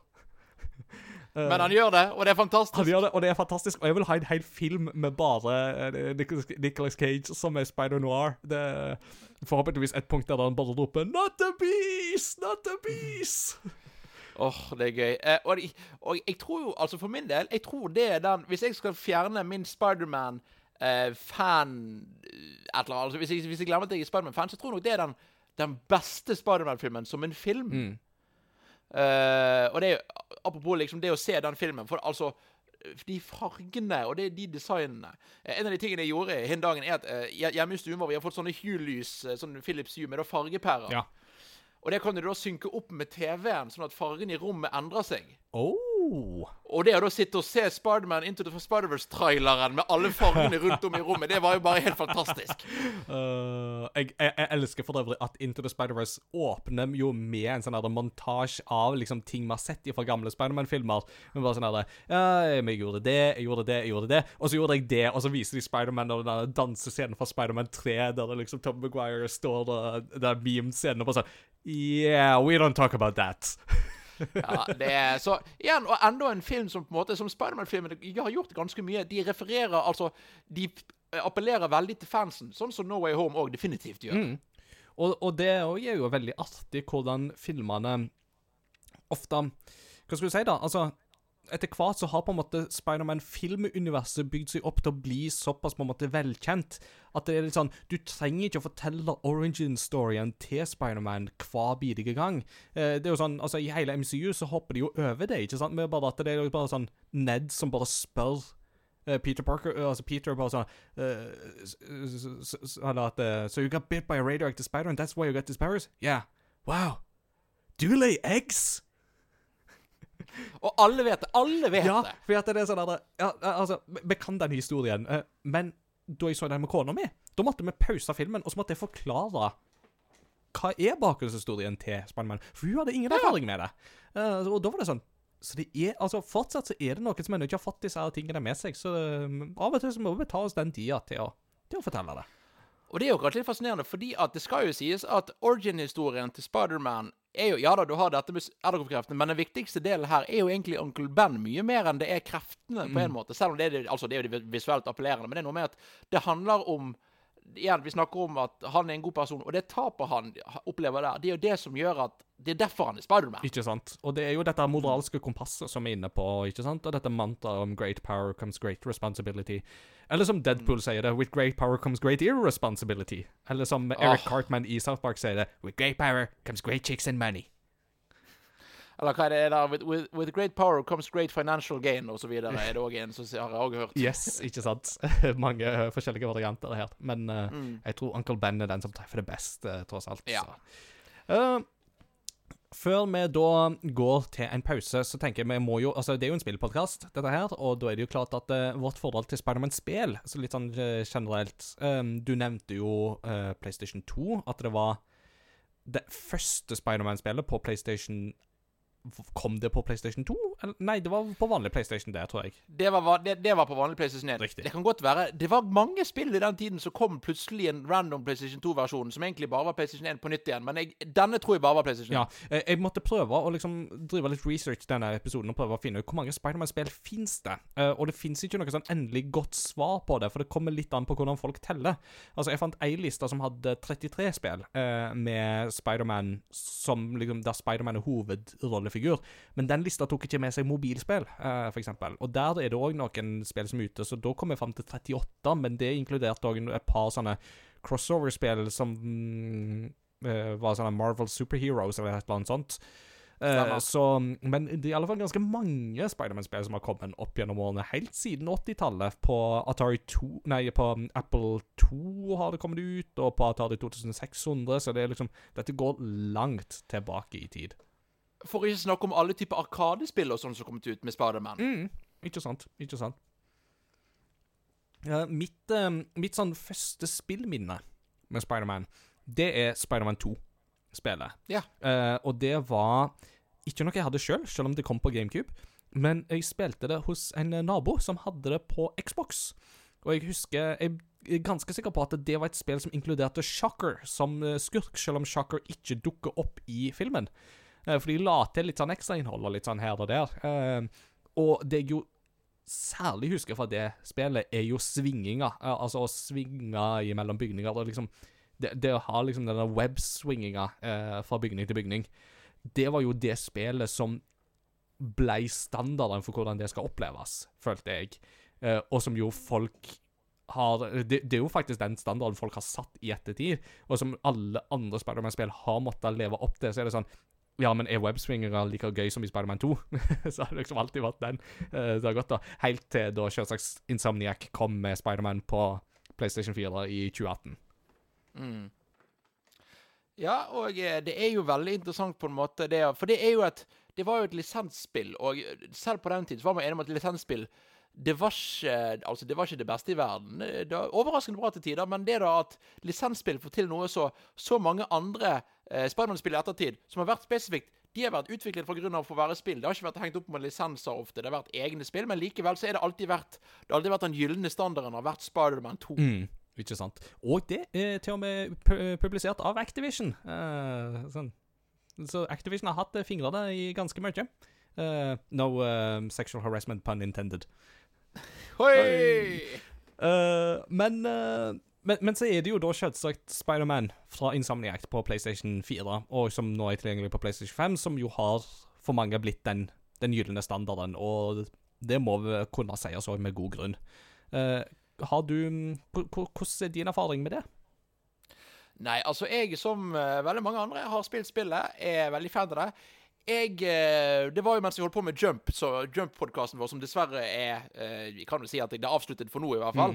Eh, altså, vi vet aldri hva som skjer, men det var jo mens vi, hold- vi hadde holdt på med Jump. Og eh, jeg var nok den som var mest negativ til det. Ikke fordi jeg syntes det var dårlig, det er et veldig bra spill, men fordi at eh, det er nok et av spillene som jeg føler fikk veldig mange bonuspoeng fordi det var et gøyt spill, selv om det da gjerne ikke var eh, Altså, det var veldig lite nytt med det spillet, om det er lov å si. Mm.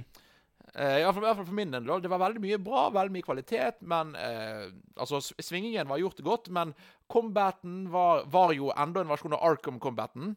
Uh, og og historien var jo var god, men det var ikke noe sånn Det var ikke noe vi Spider-fans ikke hadde opplevd noe lignende før. Uh, så jeg, jeg, jeg er veldig glad i det. Jeg føler at på mange måter at det fikk nok litt bonuspoeng fordi at det var et Spiderman-spill, men definitivt kvalitet. Ja. Uh, nei, jeg er veldig enig i den vurderinga. For det er jo som du sier, ikke sant? Altså, det er jo et spill der du merker veldig arven etter Arkham. Uh, interessant nok siden det er et DC-spill, men det viser jo hvor i- hvor eh, banebrytende det spillet var igjen i sin tid. Altså Arkham Asylum og Arkham Knight eh, Nei, Arkham City. Arkham Knight for så vidt òg, men det var jo mest kjent pga. veldig trøblete tekniske Det var jo nesten uspillbart på PC for enkelte, stakkars. Ja. Ehm, men jeg syns jo det er veldig gøy at det er jo et spill der Miles får jo veldig fokus. Det syns jeg Ja. var veldig artig. Og ikke minst fordi at Miles får sin egen standalone DLC, som jo han får lov òg å eh, Hva skal du si Være um, et sånt salgsargument for PlayStation 5. Da den kom ut, så var jo Spiderman Miles Morales et av de absolutt eh, mest hypa spillene til det. Det var jo det og Demon's Souls var jo det folk var aller, aller mest interessert i. Og jeg var jo en av de som um, spilte det på PlayStation 4, ja, faktisk, og der fungerte det ikke like bra. Uh, og, men, men jeg liker liksom det at Miles får Miles får på en måte etablert seg som en figur og får uh, liksom komme seg mer fram. Det syns jeg jo er veldig veldig kjekt. Og så blir det jo veldig spennende å se hvor de går med Spiderman 2 når det kommer ut. For det er jo klart at de antyder jo noen veldig spennende ting, uh, særlig liksom post-credit-scene i Spiderman 1, som uh, lover veldig, veldig godt. Og vi har jo allerede sett teaser for at Venom kommer til å spille en uh, rolle, og det da, da, da, jeg, da er jo jeg med med en gang. Altså, Venom er jo kjempekul som Spider-skurk, så Det er, men jeg er veldig enig, og jeg gleder meg veldig til Spiderman 2. Jeg, har, jeg ser faktisk på Spiderman Miles Morales ligger foran meg i PlayStation 5-cover. Det, det er òg et sånt spill jeg vet at jeg, jeg skal spille og kose meg med, men jeg har liksom ikke hatt den åpne tiden hvor ah, nå skal jeg spille dette. Eh, blant annet, den, den hadde jeg nylig, men da ble det Pokémon Arceus som fikk den eh, prioriterte plassen. naturlig nok. Eh, men jeg, sy jeg syns jo det er litt interessant å, å snakke om det, fordi at Spiderman-spillet har på mange måter vært viktigere for kulturen rundt det på noen måter enn spillet i seg sjøl. For altså, jeg er veldig enig med at det at Miles blir såpass løftet opp, er jo kanskje det mest positive på noen måter med, med Insomniac-spillene. Og det andre jeg er veldig takknemlig for, det er nettopp det at det er Insomniac-spill, og Insomniac endelig får lov å komme og vise seg fram og stå på pallen sammen med Naughty Dog, sammen med eh, altså, altså, jeg, jeg føler at de har eh, De har på en måte blitt låst fast i Ratchet Clank-verden og produsert masse gode spill, men som har ikke fått den anerkjennelsen de gjerne da jeg mener har, de har fortjent. Nei, ikke sant. Veldig, veldig, veldig spennende poeng. Det fine med Miles Morales er jo også at det er ikke like langt. Altså, det er et relativt kort spill, så du kommer igjennom det på en helg hvis du går inn for det. Så det um, må Ja, må bare gripe den sjansen hvis du får det. Uh, Det, jeg gleder meg. du, du burde jo hatt det nå i juleferien, egentlig, for at er veldig mye av handlinga foregår jo rundt juletider, så det er sånn ju julestemningsspill, egentlig, på en måte. Men uh, nei, du kan ikke, Ja, du kan ikke bli bundet av det. Det kan du ikke. Nei, og litt av problemet med julen er når du, du er både gift og har skilte foreldre, så blir julen er bare julebesøk, vet du. Det, Det er julebesøk og spise mat og spise mat og spise mat, og hvit jul kan man bare drømme om når man bor på Askøy, så det er korrekt. Nei, men uh, den, er, den er god. Jeg tenker at uh, vi skal ta en uh, ganske fri prat om uh, Spiderman No Way Home etter uh, studiet, som da kommer etter del to. Nå skal vi ta en liten pause. Men som sagt, vi anbefaler filmen varmt begge to, så gå gjerne og få sett den. Men ikke nå i pausen, for vi er straks tilbake.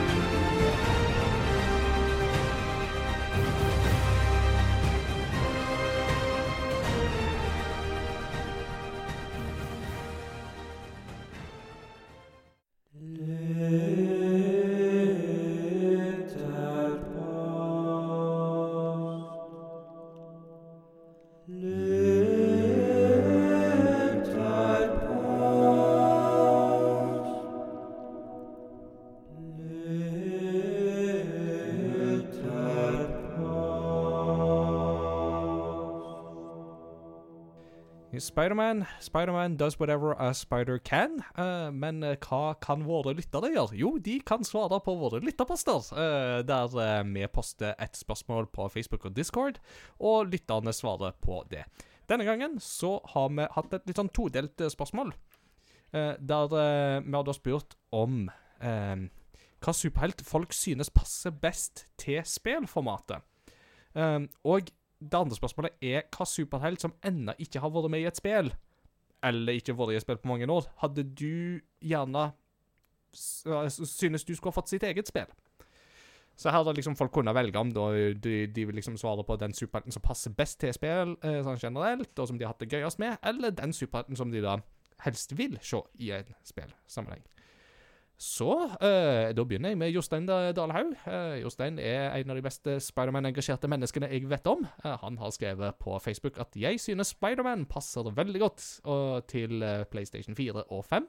Men det hadde vært kult hvis Insomniac Games og Marvel hadde laget et Doctor Strange-spill til PlayStation 5. Ja. Og det, den, det, den ser jeg, at Doctor Strange et solospill med han hadde fungert uh, ganske kult, egentlig, i uh, et sånt konsept. Og Altså, Vi har jo snakka mye om, om, Insomniac uh, her, men altså, Insomniac har jo erfart veldig mye med dette med Rift Apart. Ikke, ikke sant? Det, liksom det med å dra på tvers av verdener på veldig kort tid. De hadde fort takla den bra i en Dr. Strange-setting. Ja, og så tror jeg òg de hadde fått det, altså det rent visuelle, spesielt nå som vi ser i sånn som Far From Home og i Dr. Strange-filmene, med hvor altså hvor visuelt spennende Dr. Strange sin magi kan være. Det er noe jeg tror Insomniac eh, kunne eh, tatt bra, og jeg tror på en måte det en, hadde vært en kul ting å kunne kontrollere i spillsammenheng.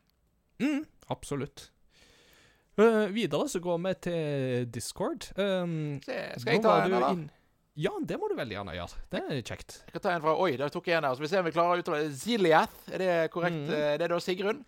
Så mm. skriver at jeg tenker at svaret mitt må ha utgangspunkt i hva jeg føler passer best til et spillformat jeg liker. Da er jeg jo mest glad i rollespill, både for å spille ulike karakterer, men også for å oppleve dyp verdensbygging og law. Ut fra den tankegangen er jeg såpass kjedelig at jeg sier det mest superhelt for meg vil være den jeg lager selv. Ja, OK. Det, men du, absolutt. Det er jo Det har vært mange forsøk på sånn superhelt-MMO-RPG-er, men det er vel ingen som helt har Altså, eller, det var noen som var veldig glad i DC sin for noen år siden, men jeg vet ikke hva folk tenker om det den dag i dag. Ja, den, eh, det er vel vekke nå. Både City of Heroes og City of Villains er vel òg nedlagt, men det var jo sånne store ting i sin tid, det, altså. Absolutt. Og så skriver hun videre her, og så skal jeg svare på det andre spørsmålet.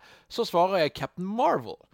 Ah. Ja, jeg syns egentlig at hele Mar eh, nei, romuniverset til Marvel er ganske fascinerende. Skulle gjerne ha sett enda mer av det. Det hjelper jo også at jeg liker som, eh, karakterer som er nærmest som guder, og fremstår som helt uslåelige. At det attpåtil er en kvinnelig karakter, syns jeg bare gjør det hele enda bedre.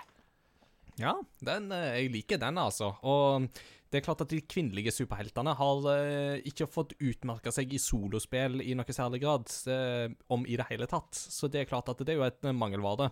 Og der er det jo veldig spennende med Wonder Woman-spillet, som jo er annonsert og skal komme en gang i framtida. Det blir jo faktisk veldig, veldig interessant å, å teste. Så det, ja, men så enig. Jeg syns det var gode svar, Sigrun. Enig. Enig. Jeg kan lese Andreas sin fra Discord. Han skriver Rent isolert sett tenker jeg Wolverine er den optimale spillkarakteren. Han er ganske ren actionkarakter som kunne, vil kunne egne seg i spill av stilen God of War, men også i noe mer RPG-aktig à la Dark Souls.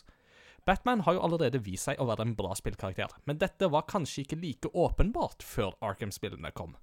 Tenker kanskje den optimale superhelten som ikke tidligere har et spill, må være en som har litt ulike mekanikker, og som derfor kan utfordre kreativiteten til utviklerne.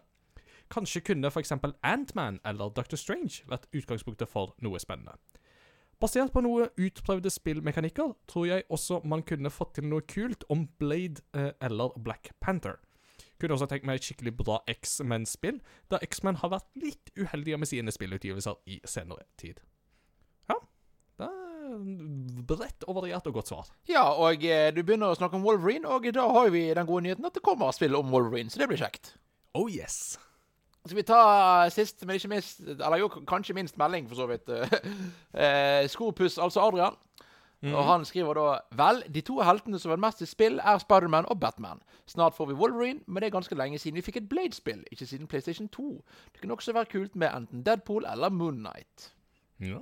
Moon Knight er jo snart aktuell med tanke på Marvel-serien som kommer, med Oscar Isaac. Eh, det blir, det blir veldig spennende. Og eh, hvis du er Deadpool-fan, så kan jeg faktisk anbefale Det kommer til PS3 originalt. Det kommer et Deadpool-spill som er eh, mm, Hva kan du si? Det er overraskende bra.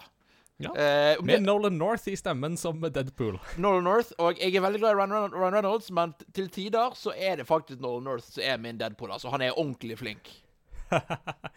Det er jo krediter, kreditert på coveret som The best superhero game ever made. Deadpool. Ja, og jeg, jeg, sitatet fra Deadpool. det er, altså Hvis du er Deadpool-fan og fan av Deadpool eh, Deadpools eh, et, et, et godt Deadpool-manus, da er dette et spill man bør prøve.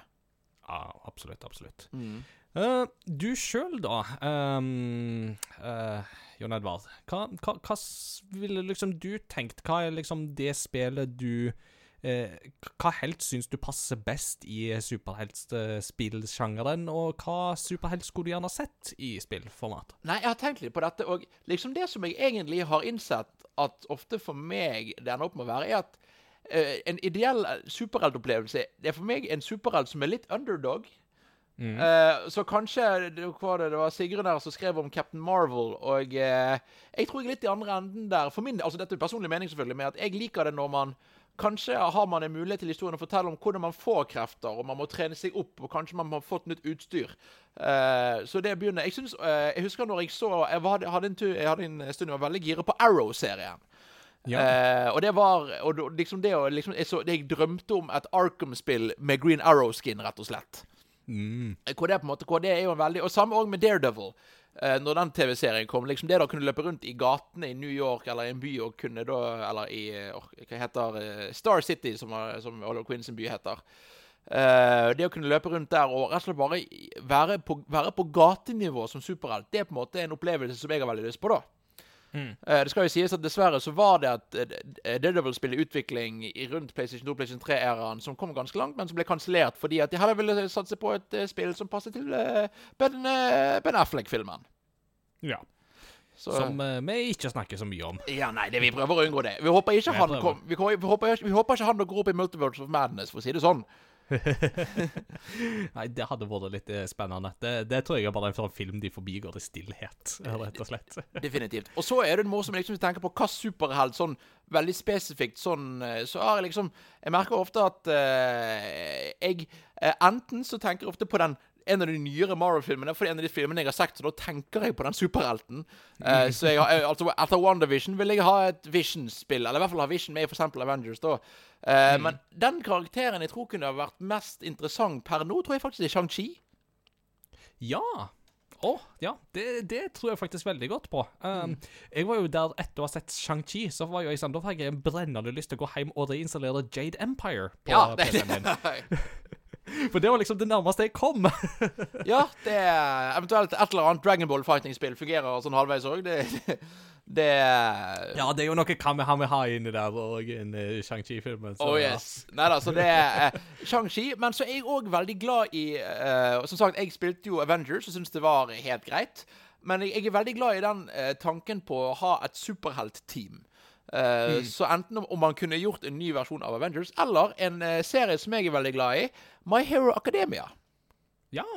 Uh, for der har du den Du har superheltelever som holder på å bli læres opp til superhelter. Og det å da kunne få den disse superkreftene under utvikling da, og kunne ha et lite cast å velge mellom, syns jeg er veldig spennende. Det har jo kommet noen My Hero Academia-spill, men det har vært to-tre to, fighting-spill. Og så er det også annonsert en japansk Battle Royale, av alle ting. Oh. Uh, det kan jo for så vidt funke, da. En Battle Royale i den formelen der kunne jo faktisk vært litt interessant. Det virker veldig spennende. Foreløpig er det kun kommet ut uh, nyheter om det for at det skal komme til Japan, men det er jo lov å anta at det kommer til Vesten etter hvert. Uh, men det mm. virker som et lovende konsept. Ja. Det er jo en serie som har hatt veldig stor og god impact i Vesten òg, så det er jo en viss sjanse for at det kan komme. og det er jo ikke alle Battle Royale-spill og formler og sånt som nødvendigvis fungerer, men akkurat den der, den tror jeg kan fungere veldig bra. Det kan, altså det, eh, For meg kommer det nok egentlig helt an på budsjett, hva det gir i dette. Altså Blir, blir dette en, en, cash grab, eller vil de faktisk investere for å gjøre dette til et, et godt spill? Og det skal sies at My Hero Once Justice 2, som på en måte var det, det nyeste spillet i serien eh, får faktisk skryt for å være et av de bedre eh, fighting-spillene basert på en anime. Så det, det er håp. Nei, sjøl så eh, er det jo litt sånn at det er jo um, Hva skal du si? Um, jeg er jo veldig glad i Batman generelt, og syns jo at Arkham-spillene er jo definitivt Altså, som jeg har vært inne på, altså Spiderman-spillet til Insomniac er kjempebra, men for meg så er det nok Arkham har fortsatt en høy eh, fjær i hatten, den, altså, og særlig Arkham City, for min del. Eh, fordi at jeg syns at Arkham City mestrer det å veve inn ekstremt mange Batman-figurer i ett og samme spill, og får det til å fungere.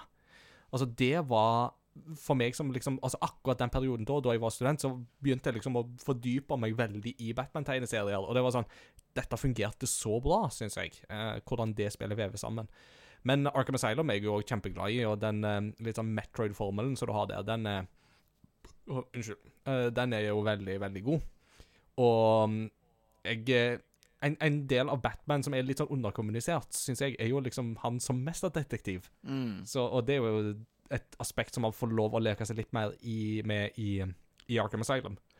Så det, det skulle jeg gjerne sett litt, som litt mer av. Ja, nå må jeg bare spørre litt interessant, for jeg har hatt noen samtaler, og jeg, jeg er jo flink til å ha meninger som nesten matcher med det alle tenker, men litt annerledes. Eh, hvis du måtte valgt et Arkham-spill, hva er din favoritt?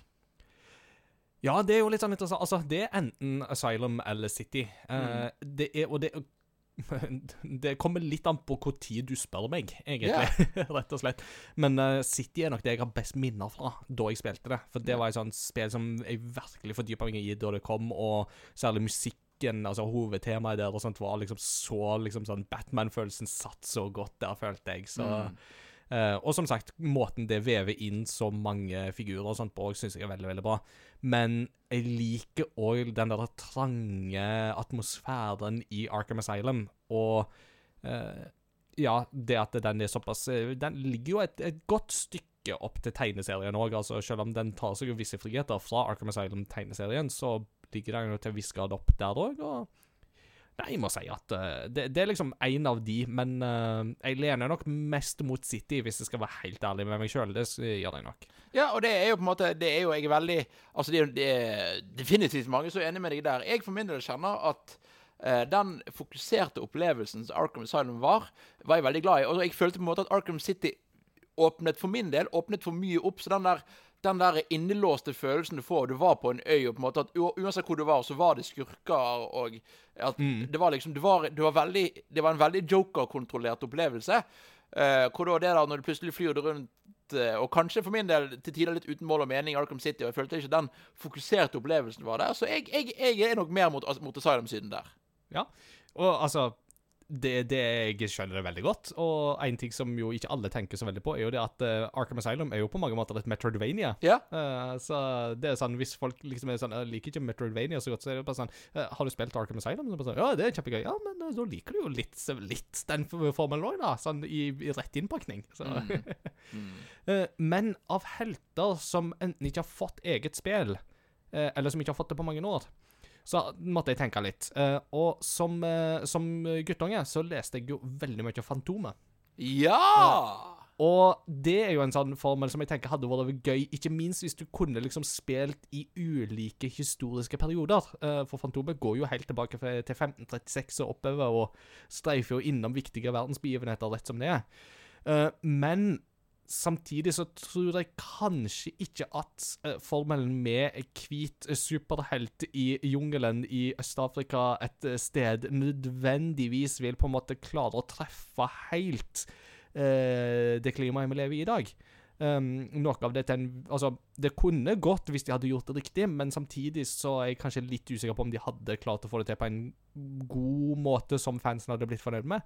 Men da tenker jeg at et eget Black Panther-spill hadde vært veldig gøy. Nå har Black Panther fått en ganske stor del i Avengers-spillet, men gi meg et eget Black Panther-spill med fokus på Wakanda, eh, der du får eh, Dora Milaje som er ute og herjer og viser hvor steintøffe damer de kan være, og all den teknologien som Wakanda kan by på, osv., osv.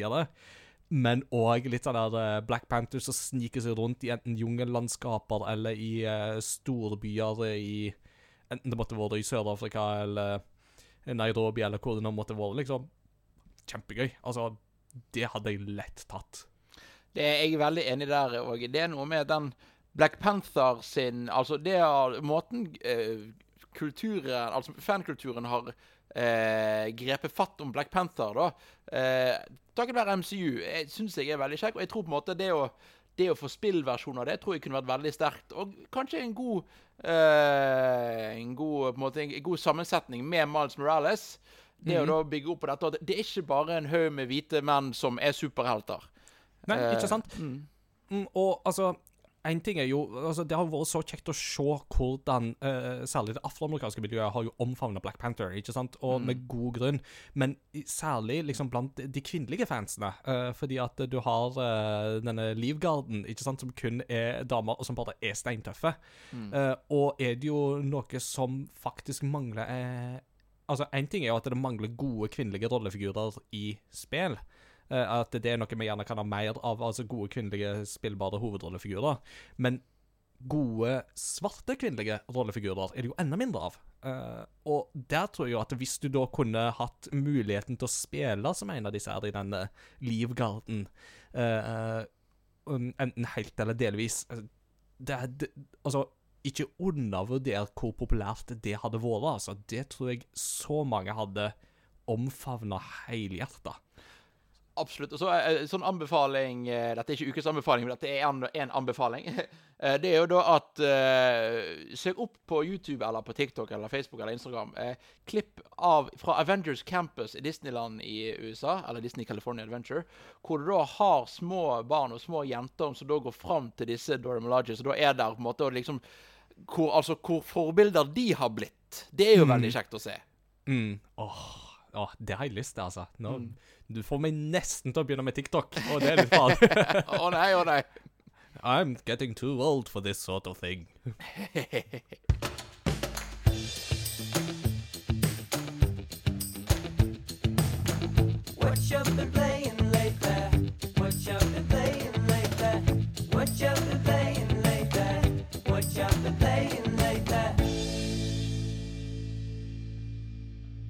All right. Eh, I eh, denne her Hva vi har spilt-segmentet, så mm, ofte så pleier jeg å la gjesten få begynne, men jeg tenker at jeg skal bare ta veldig kort sjøl hva jeg har gjort. For at eh, de to siste ukene har jeg ikke spilt så mye som jeg kan snakke om.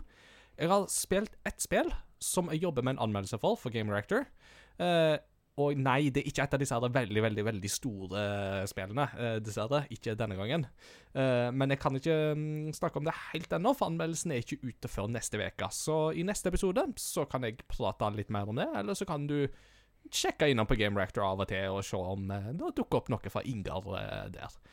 Eh, utover det så har det blitt litt Overwatch, for nå er det kinesisk nyttår. Um, og i retrospillauget så spiller vi Super Metroid, så det sitter jeg og koser meg med på um, gamle Super Nintendoen. Og det har jeg det veldig kjekt med. Det er jo et veldig, veldig artig gjensyn, og kan varmt anbefales. Og hvis folk vil slenge seg med der i retrospillauget, så er det bare å komme på Discord og bli med oss hver tirsdag kveld klokka ni. Jeg må bare spørre, men spiller du på Super Nintendoen? Yes, jeg spiller det på min japanske Super Famicom på en kasse-TV av en CRT som står i stua. 43 kilo tung Sony Trinitron eh, 27-tommer. Og det er glorious. Altså, det spillet ser så amazing ut uh, på Altså, ah, det hjelper godt med en skikkelig eh, kabel og sånt òg, altså, som er jo Den koster jo mer enn nesten Super Nintendoen, men du verden så bra det ser ut. Så ja. Så, så, så det er liksom vært mitt spillandskap de siste par ukene. Uh, Overwatch, Super Metroid og et hemmelig spill. Det er spennende, spennende. Da er det min tur å sitte og mase litt. da. Jeg har jo på en måte Jeg, jeg har to spill, og det ene skal jeg snakke om veldig lenge. Og det andre vil jeg bare nevne som en sånn uh, merkelig greie. Jeg har et spill på listen min som jeg har spilt, som heter AOT2. Ja, det hadde jeg anmeldt i sin tid. Ja, ja, ja, fordi, okay, ja, fordi du vet hva spillet det er snakk om. Ja, det er Attack on Titan 2. Stemmer. Det, det er det, vet du. Eh, Men eh, og dette vil jeg spille Jeg sitter og spiller det på Switchen, fordi jeg har, jeg har sett opp til nye sesongen. så jeg, Det var en av de tingene vi rakk å gjøre i romjulen. Ja. Det liksom også skulle jeg spille det. Men så søkte jeg på Switchen, og jeg fant ikke spillet. What? Uh, fordi at dette spillet heter ikke Attack on Titan 2 på Switch. Nei, nei, nei, nei, det heter jo A.O.10.2. Ja. Så, så, så ja, og, det, og det er eneste tittel. Så hvis du søker på Attack on Titan, så kommer det ingenting. jeg, jeg vet ikke, Er dette en rettighetsgreie? Var det, Betaler de per bokstav? Jeg vet ikke hva problemet er, men jeg ville bare si og Spillet i seg sjøl er helt greit, men det er bare nevner at hva i all verden er det de holder på med her? Ja, det er ikke sant. Ikke sant. Ja. Nei, men eh, hva syns du om eh, Hva syns du om det? Hvordan fungerer det på Switch? Eh, vet du hva, det fungerer faktisk overraskende bra.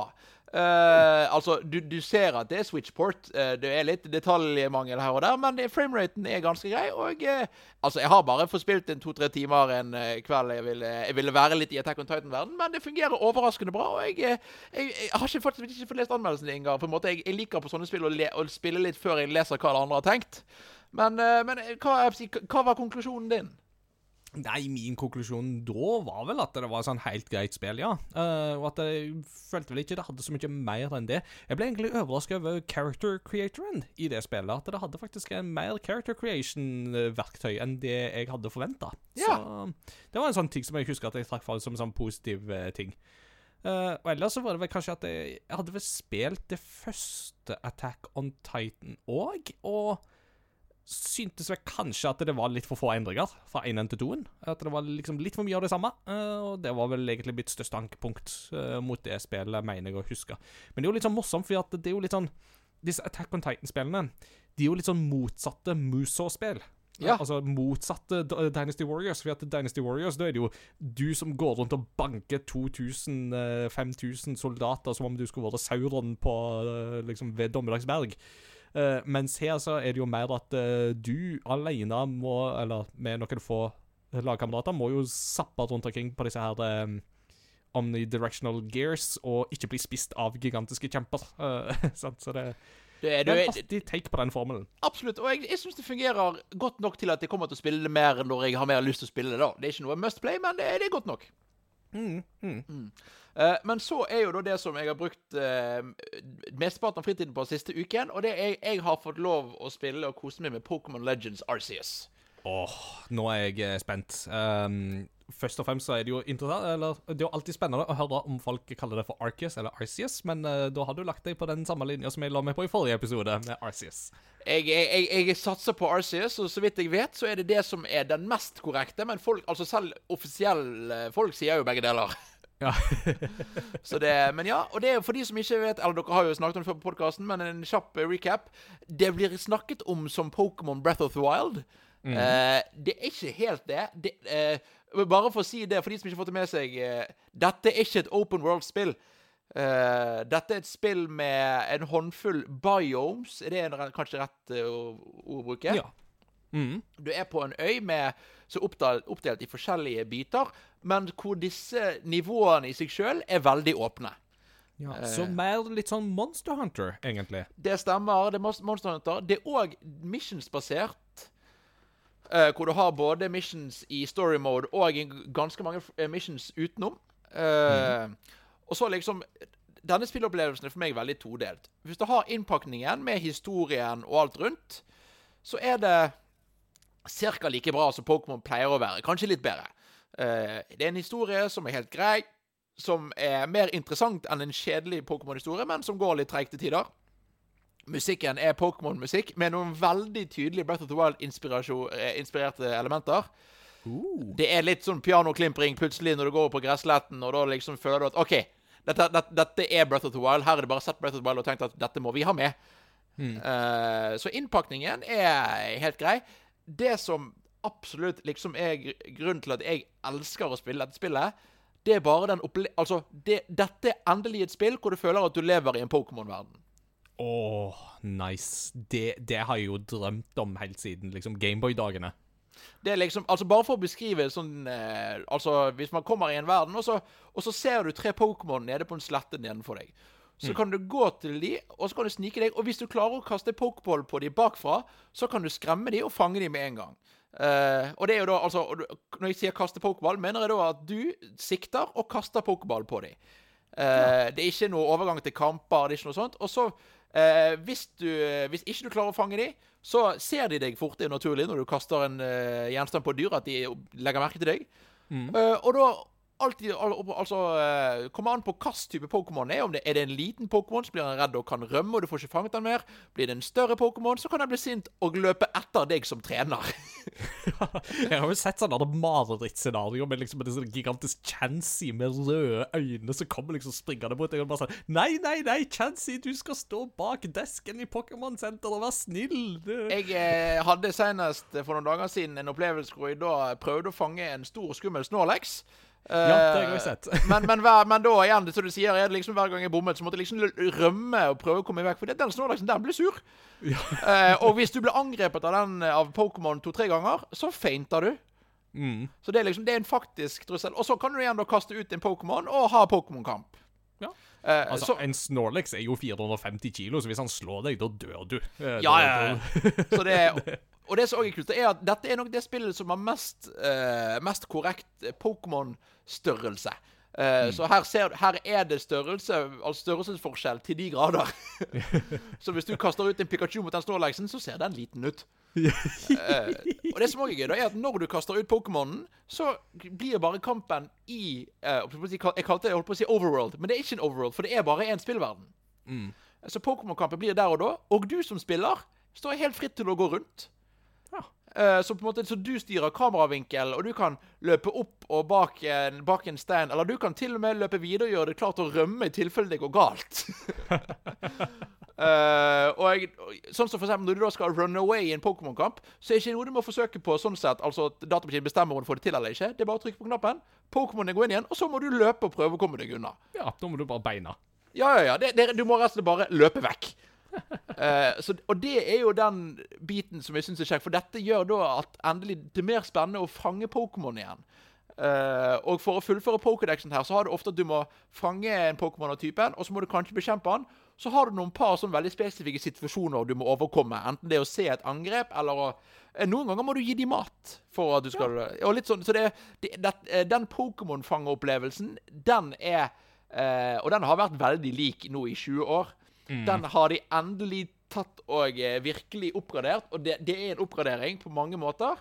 Uh, så er ompakningen den Altså, Noe sier meg at Pokémon Legends 2, eller hva du skal kalle det, eller når de tar dette med i en vanlig Pokémon-historie, da er det virkelig noe tøft. Men likevel, spillopplevelsen her er majestetisk. Kult. Åh, det, det, det har virkelig, virkelig vært synd at jeg Altså, jeg har ikke hatt anledning til å begynne på det ennå, og det er sånn når jeg ser på det og hører folk snakke om det, og sånn, så virker det absolutt som at dette stort sett er en positiv opplevelse. Og Da kjenner jeg at jeg gleder meg veldig til å få testa det ut. Så forhåpentligvis nå til helga så skal jeg få tid til å begynne på det, og da stusser jeg fortsatt på om jeg skal begynne med Cyndaquil eller Oshawott eller Rowlet. Det nærmer meg ikke et lett valg, det der, altså. Så Det var ikke et lett valg. Jeg valgte å gå med Rowlett, uh, men Ja, eh, Han har en veldig tøff sløyfe. Jeg er veldig glad i han. Han er veldig sjarmerende og veldig, veldig pent pyntet. Og så var Sun og Moon var et av de spillene jeg spilte minst av. Ja. Så da på en måte var det en eh, mulighet til å bli litt bedre kjent med, med Rowlett. Så det var mm. eh, veldig artig. Og så er det på en måte Altså, det er, det er noe med å endelig kunne ta steget inn i Pokémon. Altså, dette føles ut som et Pokémon-spill i 20... ok, La oss si 2020, ikke 2022 nødvendigvis. Men det er i hvert fall mye mer moderne enn Pokémon noen gang har vært. Mm. Uh, og jeg, jeg tror Altså, dette er det første spillet på lenge, eller kanskje noen gang, hvor jeg har spilt hvor jeg syns tenker at ja, her har Gamefree vært en god utvikler. Ja. Det er jo så spennende. Det er jo, det er jo kjempemessig. Og det Ja.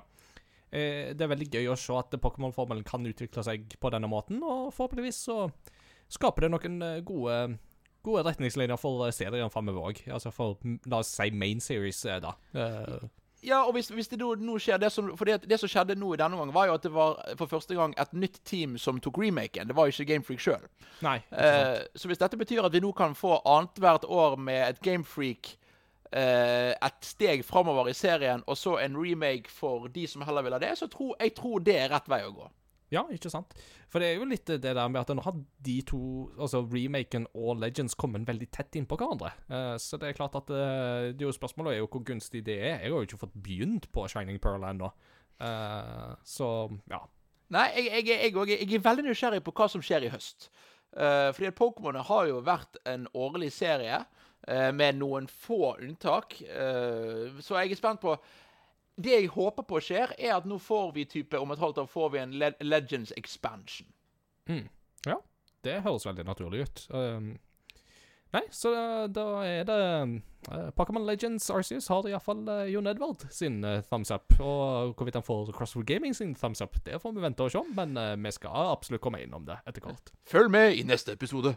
Følg med, følg med!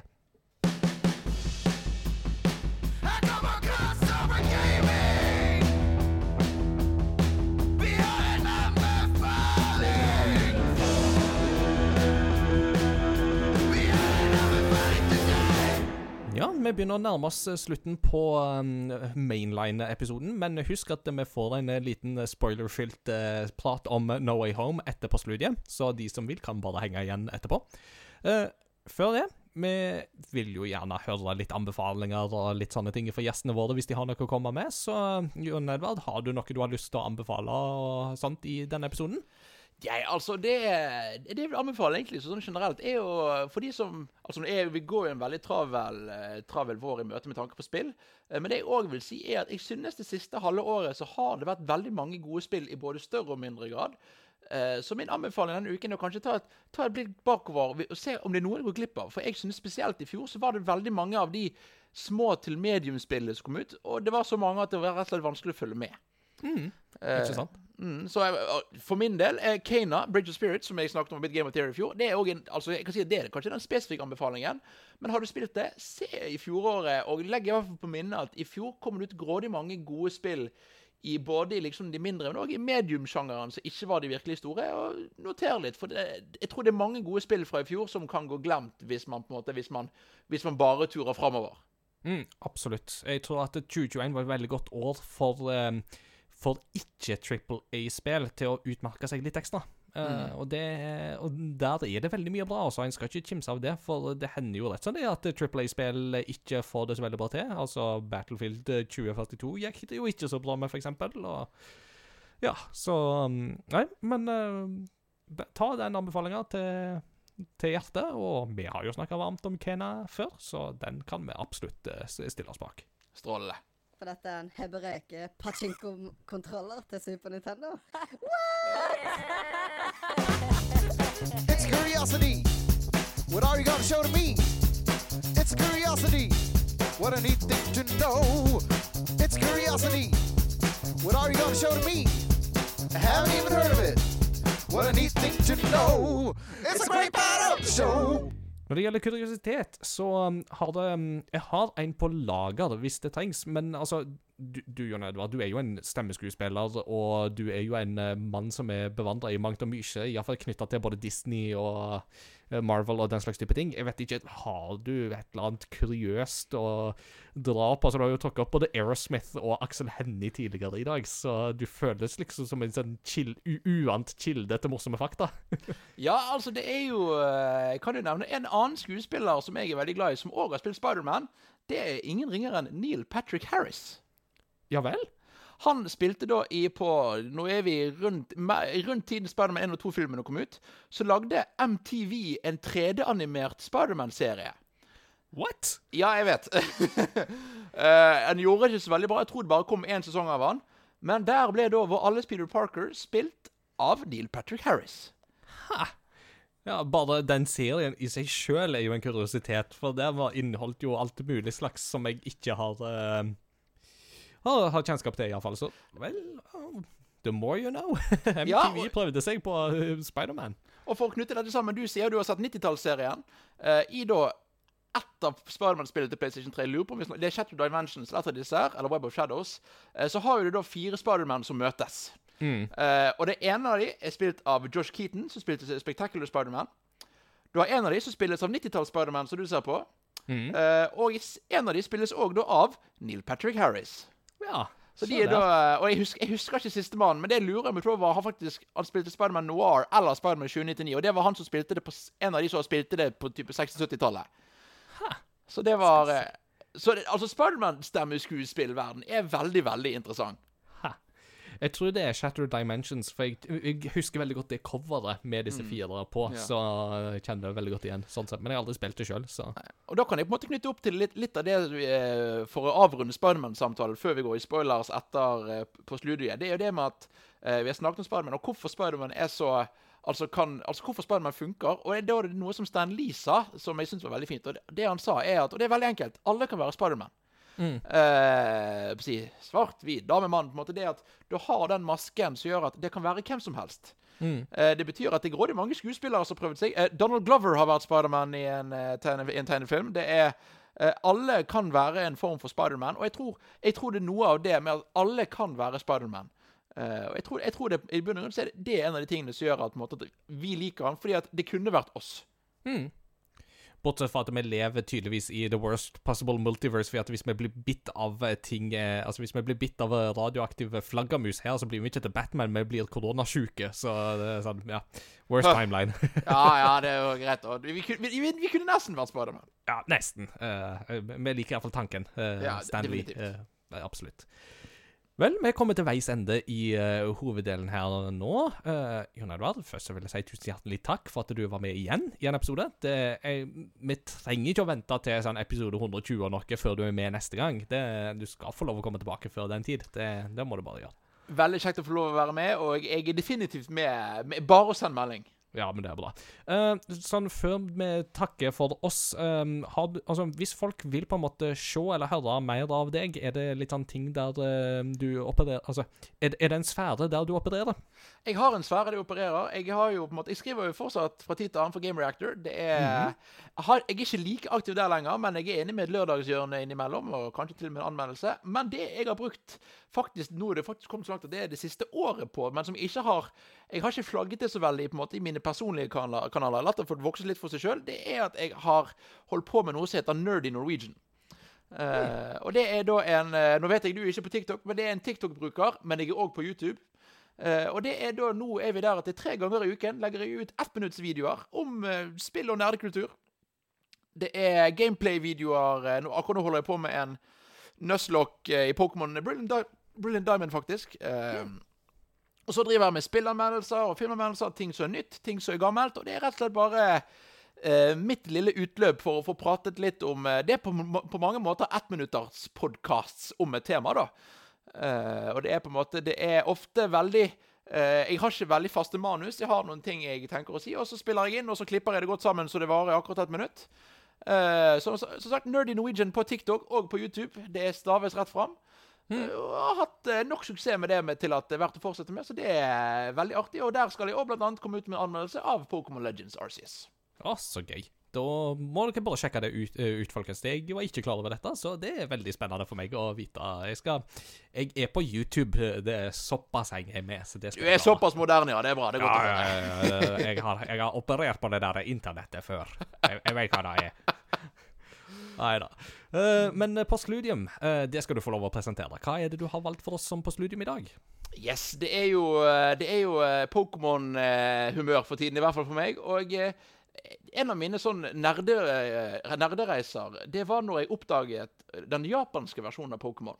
Eh, fordi at jeg er veldig glad i eller ikke mer da, Pocket Monsters, hvis jeg skal være helt på ordentlig her. Eh, er, Hvis du skal være helt ordentlig, så er det vel Pokéto Monster? Pocket Monster! Getto da, se! Eh, men ja, det er Og den japanske Pokémon-musikken i animen syns jeg er veldig fin. Eh, og det, det vi da skal høre her, da, er da eh, Det heter da Tufons, eller Fansoe. Uh, beklager min dårlige japanske uttale der. Jeg liker å leke meg. Eh, men det er rett og slett da en, eh, en eh, bakgrunnsjingle fra den åttende filmen, så da er uh, da er basert på den første Advanced Generation-åpningen. Altså den første fra generasjon 3. Den japanske, japanske introen der. Så det er rett og slett en eh, hyggelig eh, eh, hyggelig liten trudelutt som jeg syns er veldig, glad, veldig gøy å høre på. Så jeg håper dere òg vil like å, ha, å høre på. Nice. Da skal, skal vi ta den til oss. Eh, Pokémon-animeen kjenner jeg jo selvsagt til, men jeg har nok ikke sett den i like dedikert eh, form som deg. Så det er vel stort sett bare første filmen jeg har sett på japansk, så Men eh, Men kan jeg da, eh, før vi helt avslutter, bare sånn enda en kuriositet? ja, eh, always. En veldig kjapp en. Det er da at eh, hvis dere går inn på Pokémon film nummer 21 på Netflix og har norsk tale, så hører dere meg. Yes, det stemmer, det. Det, det jeg, er jo med. Jeg, jeg er med der i eh, fem, seks, syv korte setninger, men det er en, det er en bergenser gjemt inni der litt, eller en askeværing gjemt inn der sånn her og der. Ja. Nei, det er så artig. Så um, det, det er òg en mulighet der dere kan sjekke ut. Ikke bare Nerdy Norwegian, men òg Netflix eh, Pokémon-film nummer 21. Eh, Så kjør på, folkens. Vel, eh, om to uker så er vi tilbake. Da skal da skal Peter dog være tilbake, enten fra utenlandstur eller fra isolasjon. Vi får se, se hvordan formen hans utvikler seg i løpet av eh, de nærmeste dagene. Eh, og da har vi nok et eh, spennende tema å by på. Så fram til da så sier vi bare at vi snakkes ved neste korsvei. Ha det bra! Ha det!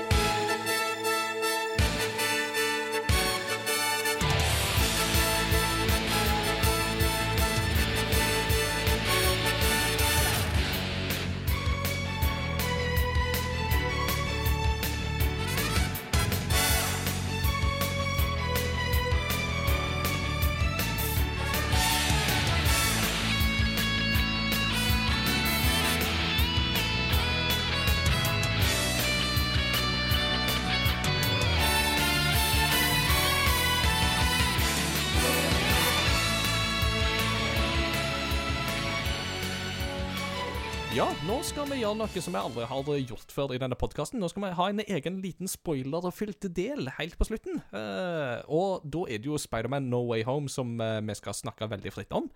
Så har du ikke sett filmen ennå og vil ikke ha avslørt noen ting, da skrur du av denne episoden nå, og så kommer du tilbake igjen seinere. så Jo, Jon Edvard, eh, hvor, skal, vi begynne? Eh, det er jo en nydelig, fantastisk, eh, herlig eh, nostalgisk eh, fest, eh, først og fremst. Det har jeg jo lyst til å si. Det er Altså, denne filmen aller først og fremst er jo en hyllest til Spidermans filmhistorie.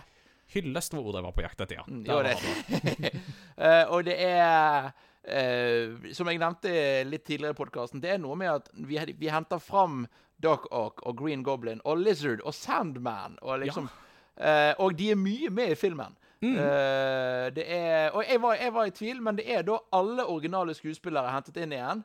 Uh, det eneste forskjellen her er at når Sandman og Lizard er med som mennesker, så er det arkivmateriale de har brukt film, filmmessig.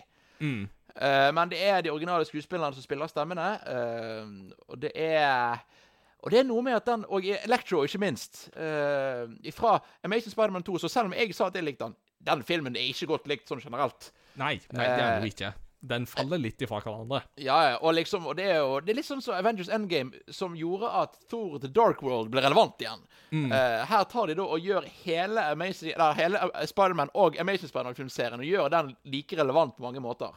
Eh, og, det, og det er liksom Og bare det å få Andrew Garfield og Tobey Maguire tilbake igjen som, Og det jeg var veldig redd for, men de, ikke, de, de gjorde ikke dette til alternative univers. De er veldig tydelige på at de var annerledes her fordi de, de var i et annet univers, men dette er disse karakterene. Eh, og jeg eh, Det var rett og slett bare uh, det, Til tider rett og slett emosjonelt å se den filmen, fordi, at, fordi man er så glad i disse karakterene. Ja, og altså, det, det er jo altså Jeg er alltid litt sånn Når du er på kino, så skal du liksom Du skal, du skal oppføre deg, du skal være fin og sånn, men altså, her, her var det sånn film der folk bare jubla og klappa og heia og liksom med lav sko og bare sånn Yes, this, this is correct. Og særlig når Ned begynner å åpne disse portalene, og du ser liksom noen der borte, så er bare sånn det er han. Nå kommer han, nå kommer han, nå kommer han. Og så bare merker du på måte hele salen begynner å sitre, sitre litt. Grann, og idet da Andrew Garfield kom igjen, og så var det bare jubelen var i taket. Det var sånn. Og jeg tenker jo For en redemption story dette her er for Andrew Garfield òg, fordi han han elsker jo Spiderman, eller han elsker jo Spiderman, eh, og han måtte jo jobbe med Han måtte jobbe med det han hadde, og det han fikk servert, det var ikke nødvendigvis det beste. Eh, og det at det, ikke ble flere filmer fra han, det tror jeg alltid har vært en stor sorg. Og det er jo sånn, når folk nå sier sånn Å, kommer Amazing Spiderman 3? Så er det bare sånn Ja, hvor var dere for uh, syv-åtte år siden? Jeg har vært her hele tida! Jeg har hatt den følelsen nå. Det er liksom å se folk snakker om det. og Jeg er bare sånn Dere er for seine! Altså, ja da, for all del. Jeg, jeg skal ikke være uenig, men hvor var dere? Hvor var dere? Hvor dere, dere så ikke dere, Åh, Nei, uff. Og når eh, Peter, altså når Toby Maguire òg kommer inn, ikke sant, altså da var det jo i alle fall jubelen satt i taket, altså, for da, da var det jo min generasjon, ikke sant, som kom i sånn dette, dette var vår Spider-Man, og sjøl unge kids som liksom egentlig er for unge til på en måte ha noe forhold til disse filmene på den måten. Selv de liksom kunne kjenne på den gleden. Og det at det, og, og sånne ting som dette her gjør at den filmen Fordi filmen samtidig kan levere et veldig godt manus, syns jeg iallfall, så gjør det dette her til noe mer enn bare liksom nostalgi eh, for å tjene penger. Dette er som du sier, dette er en nostalgisk hyllest som samtidig òg får en relevans for eh, Holland Peter. Altså mm, Tom Holland Peter Parker. Fordi han får lov å lære av deres erfaringer. Så de han, han, han har fått lov å leke seg med de store gutta, men han har nok alltid følt seg litt som en sånn eh, liten eh, jypling eh, sammenligna med disse store gudene og whatnot. Men her får han liksom Her får han noen som faktisk vet hva det vil si å være Spiderman. Ja, og det er noe med det der eh, Og jeg tror på en måte for min del så ble den historien enda mer viktig andre veien igjen. For, da, for Andrew og Toby sine Peters, hvis vi omtaler det på den måten, så er det noe med at de altså, For de har alltid vært aleine. Eh, og spesielt Andrew øh, og eh, det, måte, det at Andrew Garfield ikke fikk en treer, var spesielt så at pga. slutten er jo at Gwen dør, og Andrew er helt aleine. Eh, eller har jo Aunt May og alt dette. Men, eh, og det er jo da for, for det er jo han som definitivt, av disse tre, det er jo han som er øh, den, den triste, på en måte, den virkelig triste, på en måte, og liksom ser at Hører at Toby har fått det til med MJ, og at ser eh, kjærligheten mellom, eh, mellom Tom og og, eh, og Zendaya, ja. Ja, Zendaya. Uh, det er liksom det å få Andrew da å få lov å Når de sier at 'Åh, han har alltid hatt lyst på brødre'. Jeg synes den, mm. sånne ting òg var så gøy. Ja. Og så og så det der liksom eh, Ja da, det er mange Jeg syns scenene mellom Tom Nei, eller mellom Toby og Andrew Når, når Tom Nei, når, ah, når Toby har vondt i ryggen! Ja. Det er jo en sånn fantastisk scene. er jo eh, Spiderman er blitt gammel. Men det er jo sånn, yeah. Toby, Toby er jo blitt gammel. Og, Ja. men, altså, men det er jo klart han var gammel da han spilte inn filmen In the First Place. ikke sant? Så Ja, da ser du jo effekten av det. Ja, han, han var like gammel nå som, eh, som William Defoe var når de spilte inn uh, det første Spiderman. Uh, og nå det- er det Peter sin tur til å- Nå er det Tom, Tobey Maguire sin tur til å si You know, I'm something of a scientist myself. ja, men det, det- og ja, og, det, og det sa jo Norman i denne filmen. Ja! Og det er sånn De, de bare embracer the memeness så til de grader. Og, Mm. Ja, ja, og, Ja. og, og Toby som da på en måte Når, når Toby møter Doc Ock på slutten, så svarer han, han da eh, Måten de snakker sammen, er jo en referanse til første gang de møttes. Ja.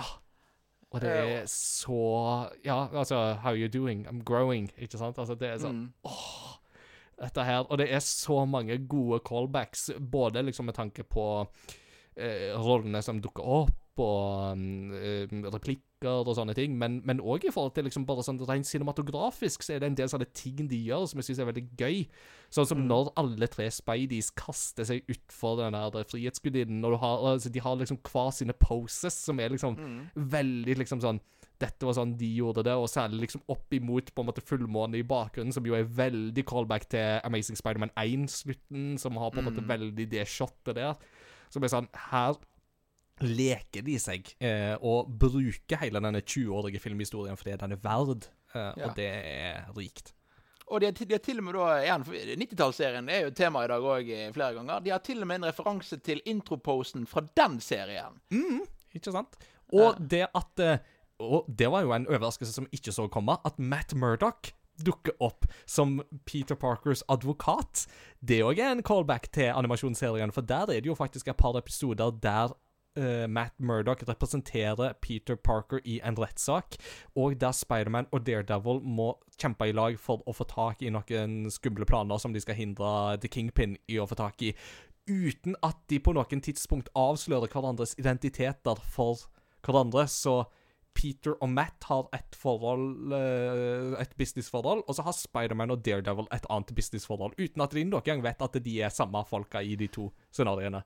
Og så må jeg si, ba bare det at nå Netflix-serien endelig òg får den respekten de fortjener, Yes! det er kjekt. Og som Daredevil, s- særlig av eh, den Netflix-serien, så har jo Daredevil har hatt veldig stor betydning for meg. Eh, jeg har snakka litt om det på podkasten før, men altså Særlig sesong tre av Daredevil syns jeg er så sabla god, fordi det er en av de skildringene av Hva skal du si kristen anfektelse jeg har sett i populærkultur som føles reell og troverdig, og som bare er sånn det at Matt sliter så med trua si på den ene sida, og liksom det mørke Daredevil i seg på den andre sida, som er så sentralt tema i sesong tre der Snakk om at representasjon betyr noe, men altså, det var sånn, da etter å ha sett den, så var det bare sånn at dette her betydde mer for meg enn det jeg faktisk hadde trodd uh, walking into it.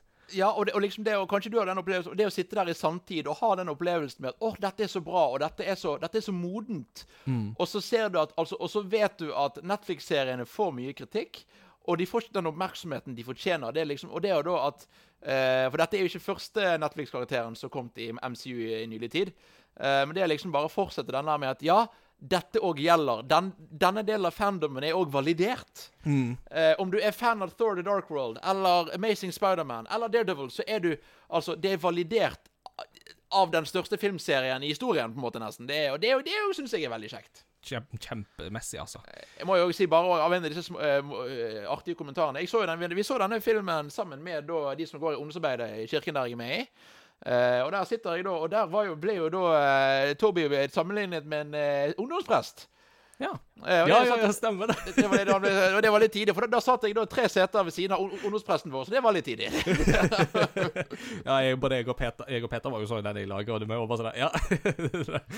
Ja, for det, det helt alt, alt han egentlig mangler, det er liksom bare oppbretta ermer og så noen tatoveringer, så kunne han glidd rett inn i Hillsong, liksom. Ja, ja, ja, absolutt. absolutt. Så det, det var kjekt. Eh, det jeg òg vil si bare altså vi, vi, trenger ikke bare snakke om referansene til de gamle karakterene. Snakke litt om eh, Tom sin reise òg, for den òg syns jeg er interessant. Men for meg, altså Jeg sa jeg ble emosjonell. Det er to ganger jeg virkelig liksom hvor det, da, da, da tok tårene meg, rett og slett. Og, og begge, begge øyeblikkene for meg handler om Andrew. Ja.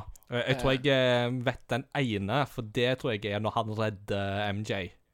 Det stemmer. For den er Jeg kan si den første, da, for den første kommer litt før det. Det er rett og slett Det er når Toby og Andrew snakker med Tom, og de forteller om deres, deres opplevelser om tap. Hvor, hvor liksom Hvor Toby forteller om eh, Uncle Ben, og hvor Andrew klarer ikke fortelle nesten om, om at she lost her, eller he lost her MJ.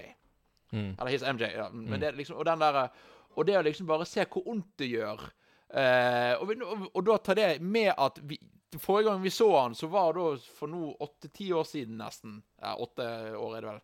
Uh, var at han mest Gwen. Og så så vi han aldri mer. Nei. Og det liksom den, det å bare få den touchstone der, det var virkelig Det, det gjorde noe. Mm. That's when I stopped pulling my punches, Yes. som han også sier. Som jo også er bare sånn her Wow, det, det, det, vi ser for oss en verden der Andrew Spiderman tok en veldig mørk vending. Ja, for det òg er jo det at uh, han har jo levd i denne verden. Eh, etter at dette skjedde. Det er dette er ikke rett etter Amazing Spider-Man 2. Og det er jo, liksom det var den der at Åh, shit, det gikk jo ikke bra med han, jo. Nei. Den, eh, den kjente jeg på. Og den andre som du sier, er jo da rett etter at eh, Andrew da ser at MJ er i en lignende situasjon som Gwen.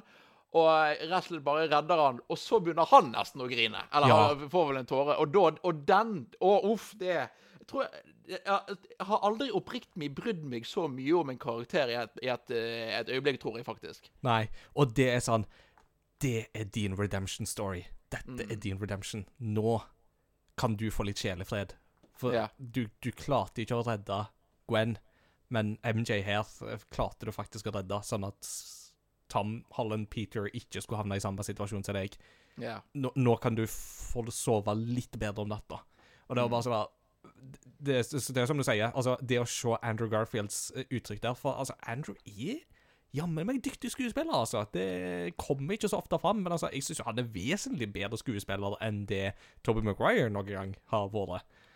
Ja, jeg er absolutt enig. Og jeg, altså, flere av de filmene han, Har du sett uh, Tick Tick Boom fra i fjor, for eksempel? Ikke ennå, uh, men jeg liker han jo veldig godt i Silence, for Ja.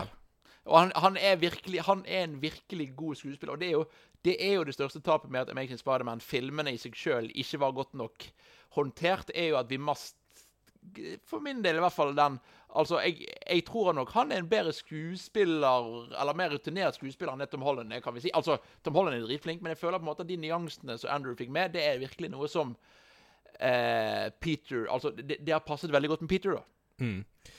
Og, og så er det jo noe med hvordan hele denne filmen bygger opp rundt dette her, ikke sant, med at eh, de Spiderman som har gått før, får lov å være med på å forme den nye Spiderman. Og det har vi jo på en måte sett sånn rent cinematografisk, så har vi jo sett det, ikke sånn, sånn utviklingsmessig. Men her så får du det så konkret i form av på en måte i selve filmen, ikke sant, at Uh, Peter 1 og Peter 2, om jeg kan kalle det det, hindrer Tom Holland Peter i å gi etter for hatet og voldssyklusen, øh, og hjelper han til det. Og den, den klemmen som han gir til Toby og Andrew, den, den var jo ikke i manus. Altså, det, det, var, det, det var bare Det var improvisert. Altså, den thank you-en der.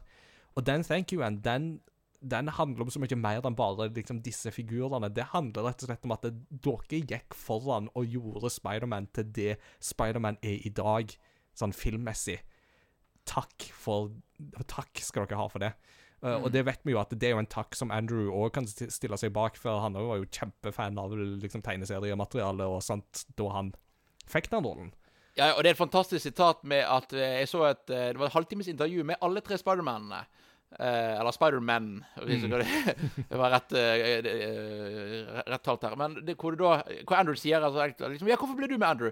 Nei, og så sier han bare Nei, jeg hørte at Toby var med, så hvordan kunne de si nei da? Nei, ikke sant? og det er jo sånn dette, dette tror jeg bare sånn Dette hadde de ikke sagt ja til på flekken. Det tror jeg må ha vært noe av det letteste for de å takke ja til.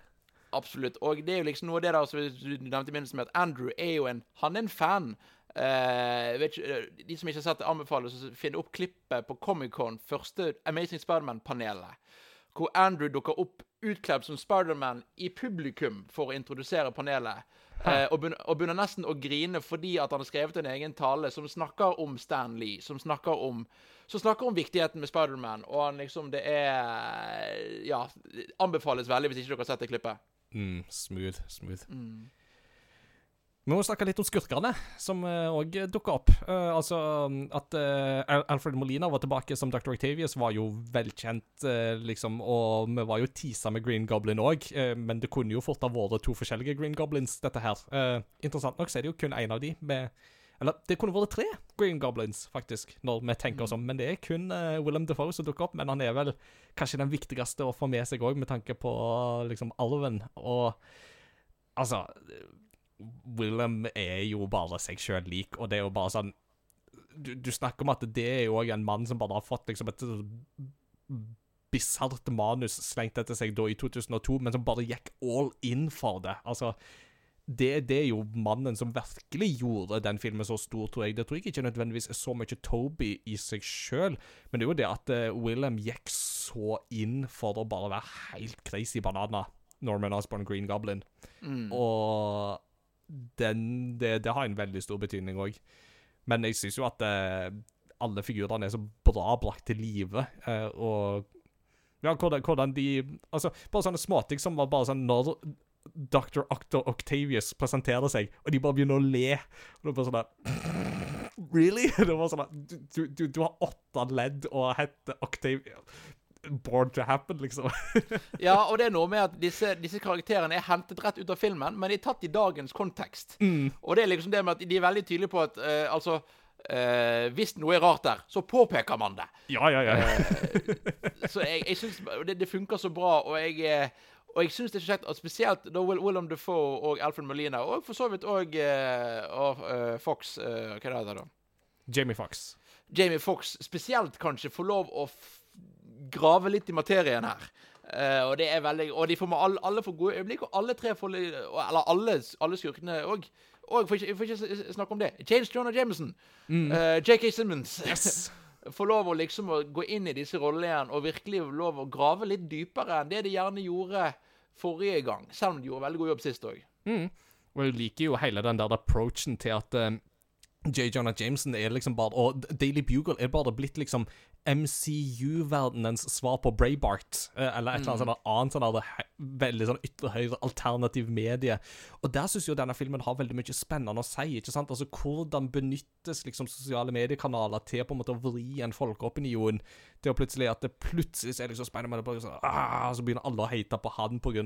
Liksom, fake news og liksom den vinklinga som blir gjort og sånt. Og det har jo for så vidt aldri vært nytt i, på en måte i Spiderman-law, fordi at Daily Bugle har alltid vært den der Spiderman, uh, hero or menace. Uh, men, men her får du det, det får en sånn helt annen dimensjon som er ikke- er ikke lettere for oss å relatere oss til, ut ifra de siste de siste årenes eh, medieutvikling. Og det Ja, synes jeg er kjempespennende. Og ikke minst den delen av historien som man gjerne ikke tenker helt over eh, hvis ikke man blir, det blir påpekt, men at Daily Bugle helt i begynnelsen er Jane Jonah Jameson på en, et grønt laken på kontoret sitt. Og så kommer vi til det midt i filmen, hvor han sitter i et veldig proft TV-studio og har veldig mye makt. Hvor det òg er jo faktisk en bit av dette med på en måte, hvor mye makt man får når man blir et talerør på den måten der. Eh, som jeg òg syns er en, det er en veldig elegant, plantet sosial kommentar midt i en superheltfilm om tre mennesker som er bitt edderkopper. Mm. Ikke sant? Og, og som har fått eh, totalt forskjellige resultater av det. Jeg elsker at de gjør et stort poeng ut av at Toby Spider bare skyter uh, spiderwebs ut ifra håndleddene sine. Bare sånn ut av det blå. For det var jo en stor sånn der hæ, æsj-greie da den filmen kom i 2002. var jo bare sånn Ja, men Spiderman skal jo bruke web cartridges. Altså Får han det ut av kroppen? Så det er bare sånn der Do you shoot it from other parts?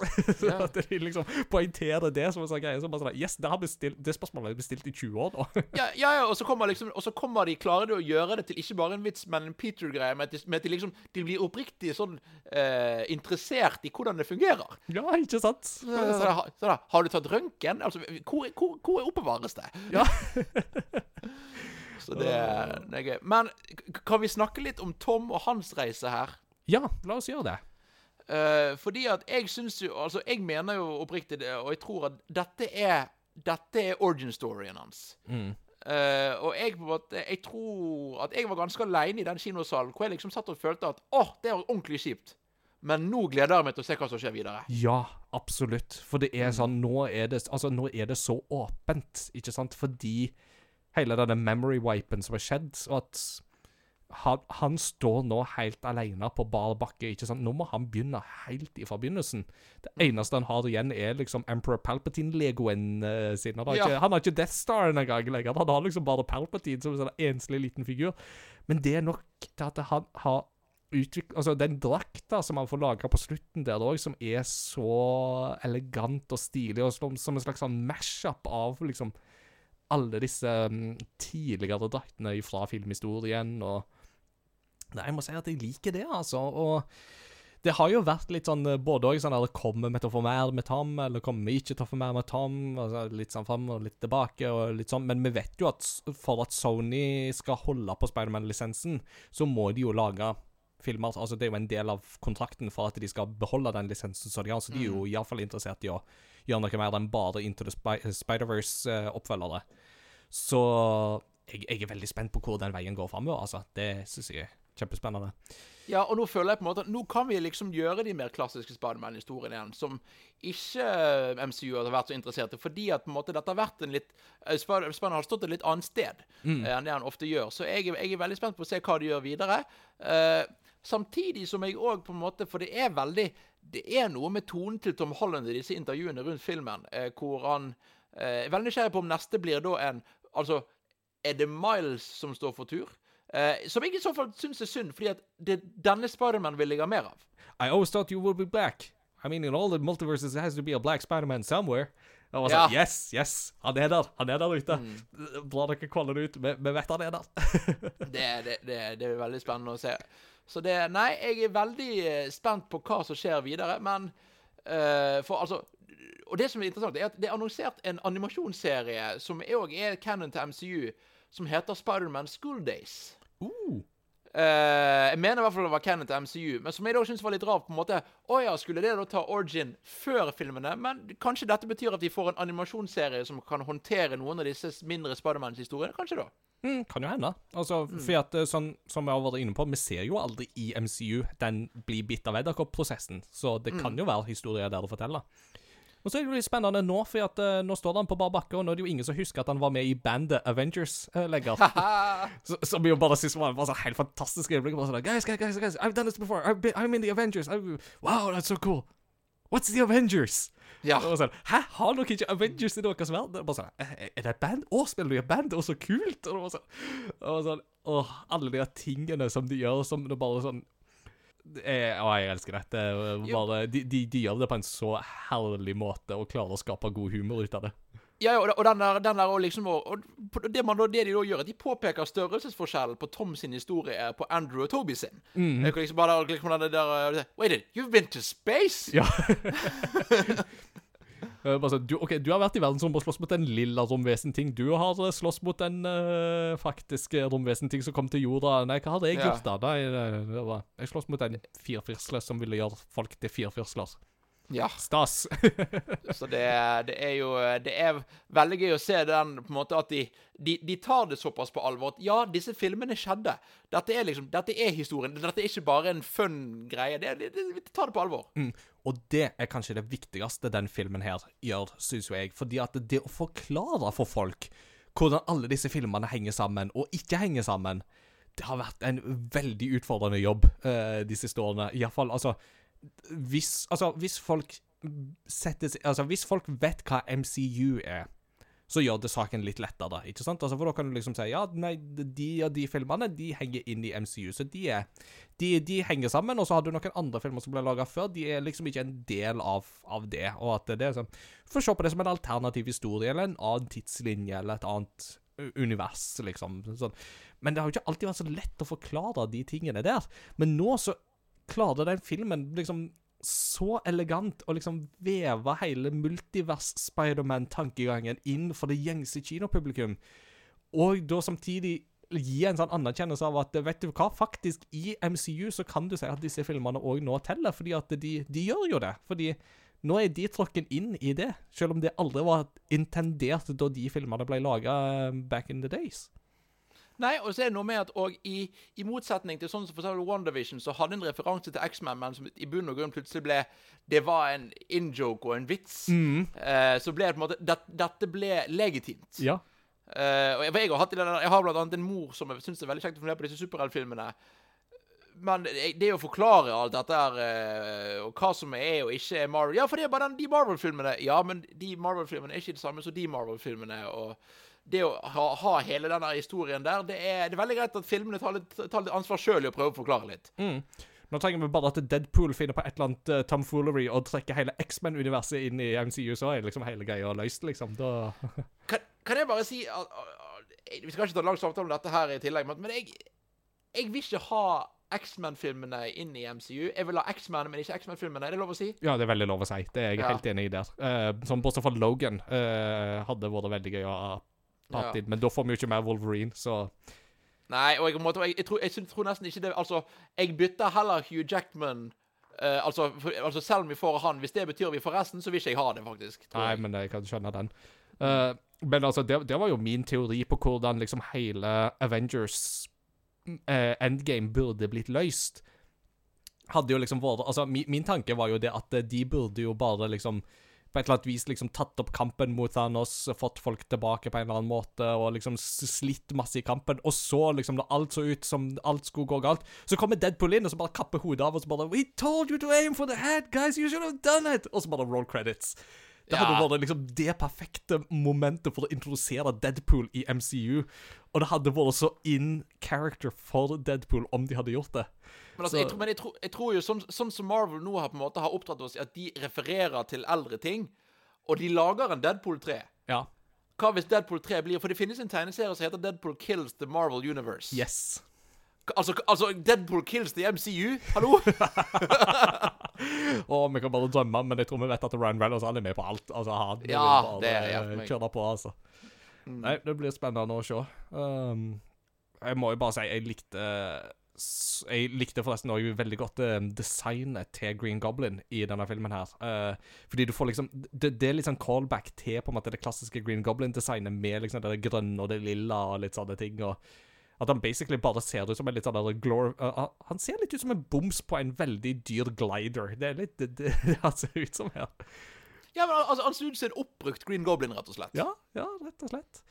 Og bare den der måten hvordan Tom Spider senser med Spider-Sense at her er det et eller annet galt, når Green Goblin liksom våkner til liv igjen. Det er bare sånn, åh, det øyeblikket der. Det er Ja. Jo- og det er jo en ting som jeg syns er veldig kjekt i denne filmen, er at de, tar på alvor Altså, den vitsen som var når Spiderman-filmen kom ut med at å ja, det er enda en uh, Spiderman-skurk med flere personligheter. Eh, men så er det liksom da Ant May som møter da Green Goblin og sier at denne fyren har jo ikke det bra. Nei, og det er jo noe denne filmen gjør så fantastisk, er jo det at det, den ser på disse superskurkene ikke som problemer, men som Altså, som må, som må elimineres, men som noen som trenger å bli fiksa. Altså, noen som trenger hjelp.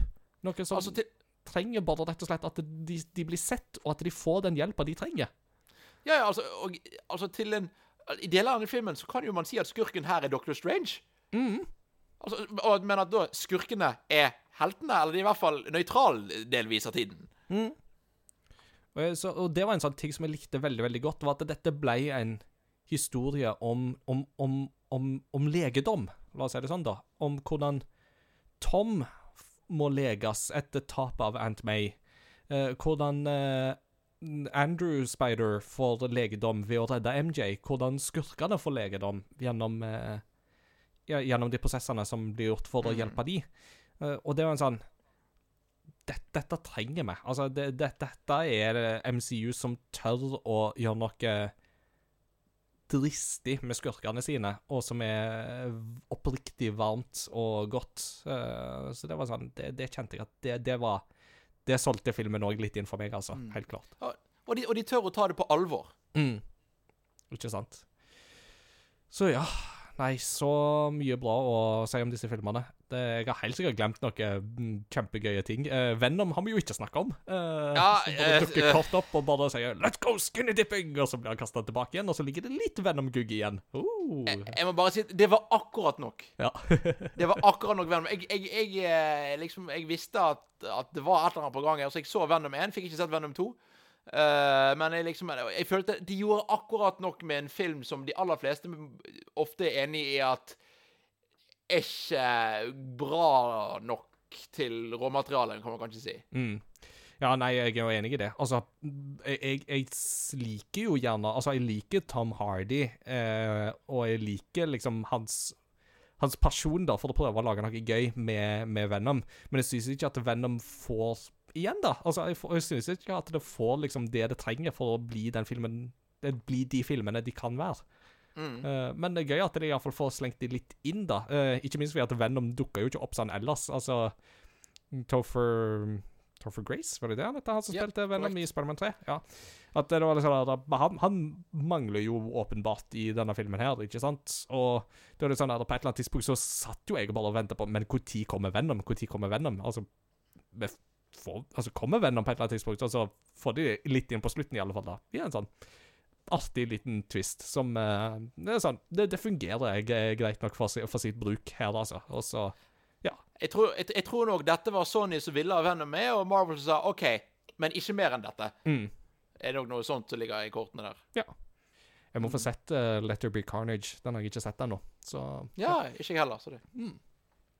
Nei, men uh, det, det syns jeg um, Det er gøy å få debrifa litt sånn høyt uh, om denne filmen her nå Mm. i etterkant. Og jeg gleder meg oppriktig stort til å se den igjen. Det, jeg har, Kona har jo ikke sett den, så jeg gleder meg veldig til å se den sammen med henne. Jeg tror hun kommer til å grine som en foss av Andrew Garfields uh, redemption story. Men altså, da kommer jeg til å gråte med. Det, Ja, det er, jeg, jeg har sett litt klipp på YouTube og søkt opp i ettertid, og det det, det, det, det, det er ikke bare første gangen man kjenner det, gitt. Nei. Så det, det Nå vet du ikke på avsnitt. Det jeg bare vil spørre deg om. Vet ikke om du har gjort noen tanker om det. Er, det, er dette den beste Spiderman-filmen? Jeg holder fortsatt en knapp på Into the Spider-Verse. Uh, Ok, ja, rett og slett fordi ja. jeg syns at Mm. den er bare så ekstremt bra executed på alle plan. Uh, men av spillefilmer så er dette helt klart min favoritt. Og altså, jeg Ja. sier jeg, jeg skrev jo en anmeldelse for Game Reactor, og da skrev jeg det Mm. at eh, jeg holder fortsatt en knapp på Into the Spider-Verse som den beste filmen, men denne her er neimen meg ikke langt unna. Mm. Nei, jeg tror nok Jeg er nok eh, enig. Jeg, jeg, tror- jeg tror ikke jeg, Altså, jeg klarer ikke å være upartisk nok fra fandelen av meg. Så jeg syns det er vanskelig å jeg, fordi sånn, jeg, jeg kunne ikke anmeldt den for en Game Reactor sånn som du gjorde. Jeg, tror- ikke jeg klarer å være upartisk nok. Mm. Men eh, som en Spider- Spiderman-fan så var han veldig gøy. Mm. Ja, og noen ganger så er det liksom bare sånn at noen ting er bare liksom en nostal... Altså uforskamma nostalgisk hyllest til sitt eget varemerke, og i Ja, ja. dette tilfellet så nailer de det. Altså, det er jo ikke alltid at det lykkes like godt. Altså, jeg er jo mer glad i Hobbiten-filmene enn de fleste, uh, men jeg syns at uh, den, de filmene blir litt for mye sånn Nå skal vi referere til Ringenes herre hele tida. Eh, Og at det, de filmene hadde vært, kunne vært bedre executed hvis de ikke hadde gjort det, nødvendigvis.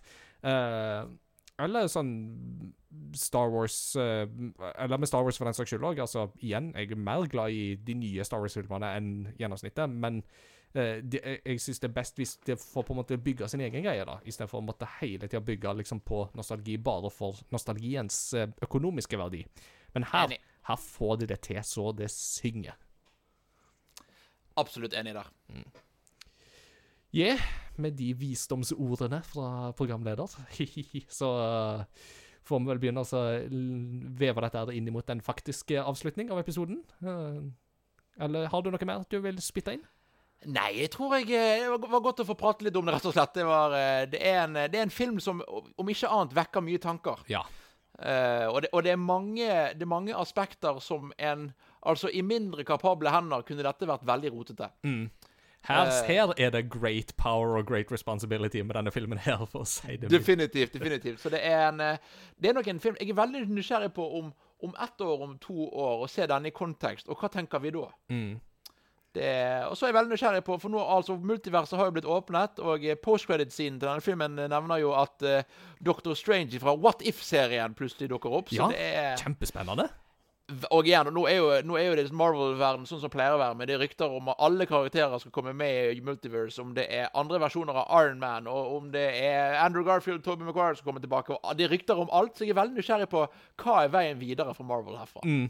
Det er um, alle muligheter er åpna, og det er veldig veldig artig. Så uh, Absolutt. det er bare å følge med. Det, vi kommer ikke til å ha Det er det som er så fint med å være nerd. Vi kommer ikke til å få det kjedelig i år heller, og det er veldig, veldig kjekt. Igjen, uh, Jon Edvard, tusen hjertelig takk for at du var med. Veldig kjekt å ta en liten sånn debrifing-prat nå på slutten òg om, eh, om Spiderman. Det tror jeg vi hadde godt av begge to. Definitivt. Veldig kjekt å få lov å være med. Mm. Så igjen, til dere som har hørt på, sjekk oss ut på Facebook og Discord og hele pakka. Og vi snakkes ved neste korsvei. Ha det bra! Ha det godt! How did the pig tracks get on the ceiling? Spider Pig, Spider Pig, does whatever a Spider Pig does. Can he swing from a web? No, we can't. He's a pig. Look out, he is a Spider Pig.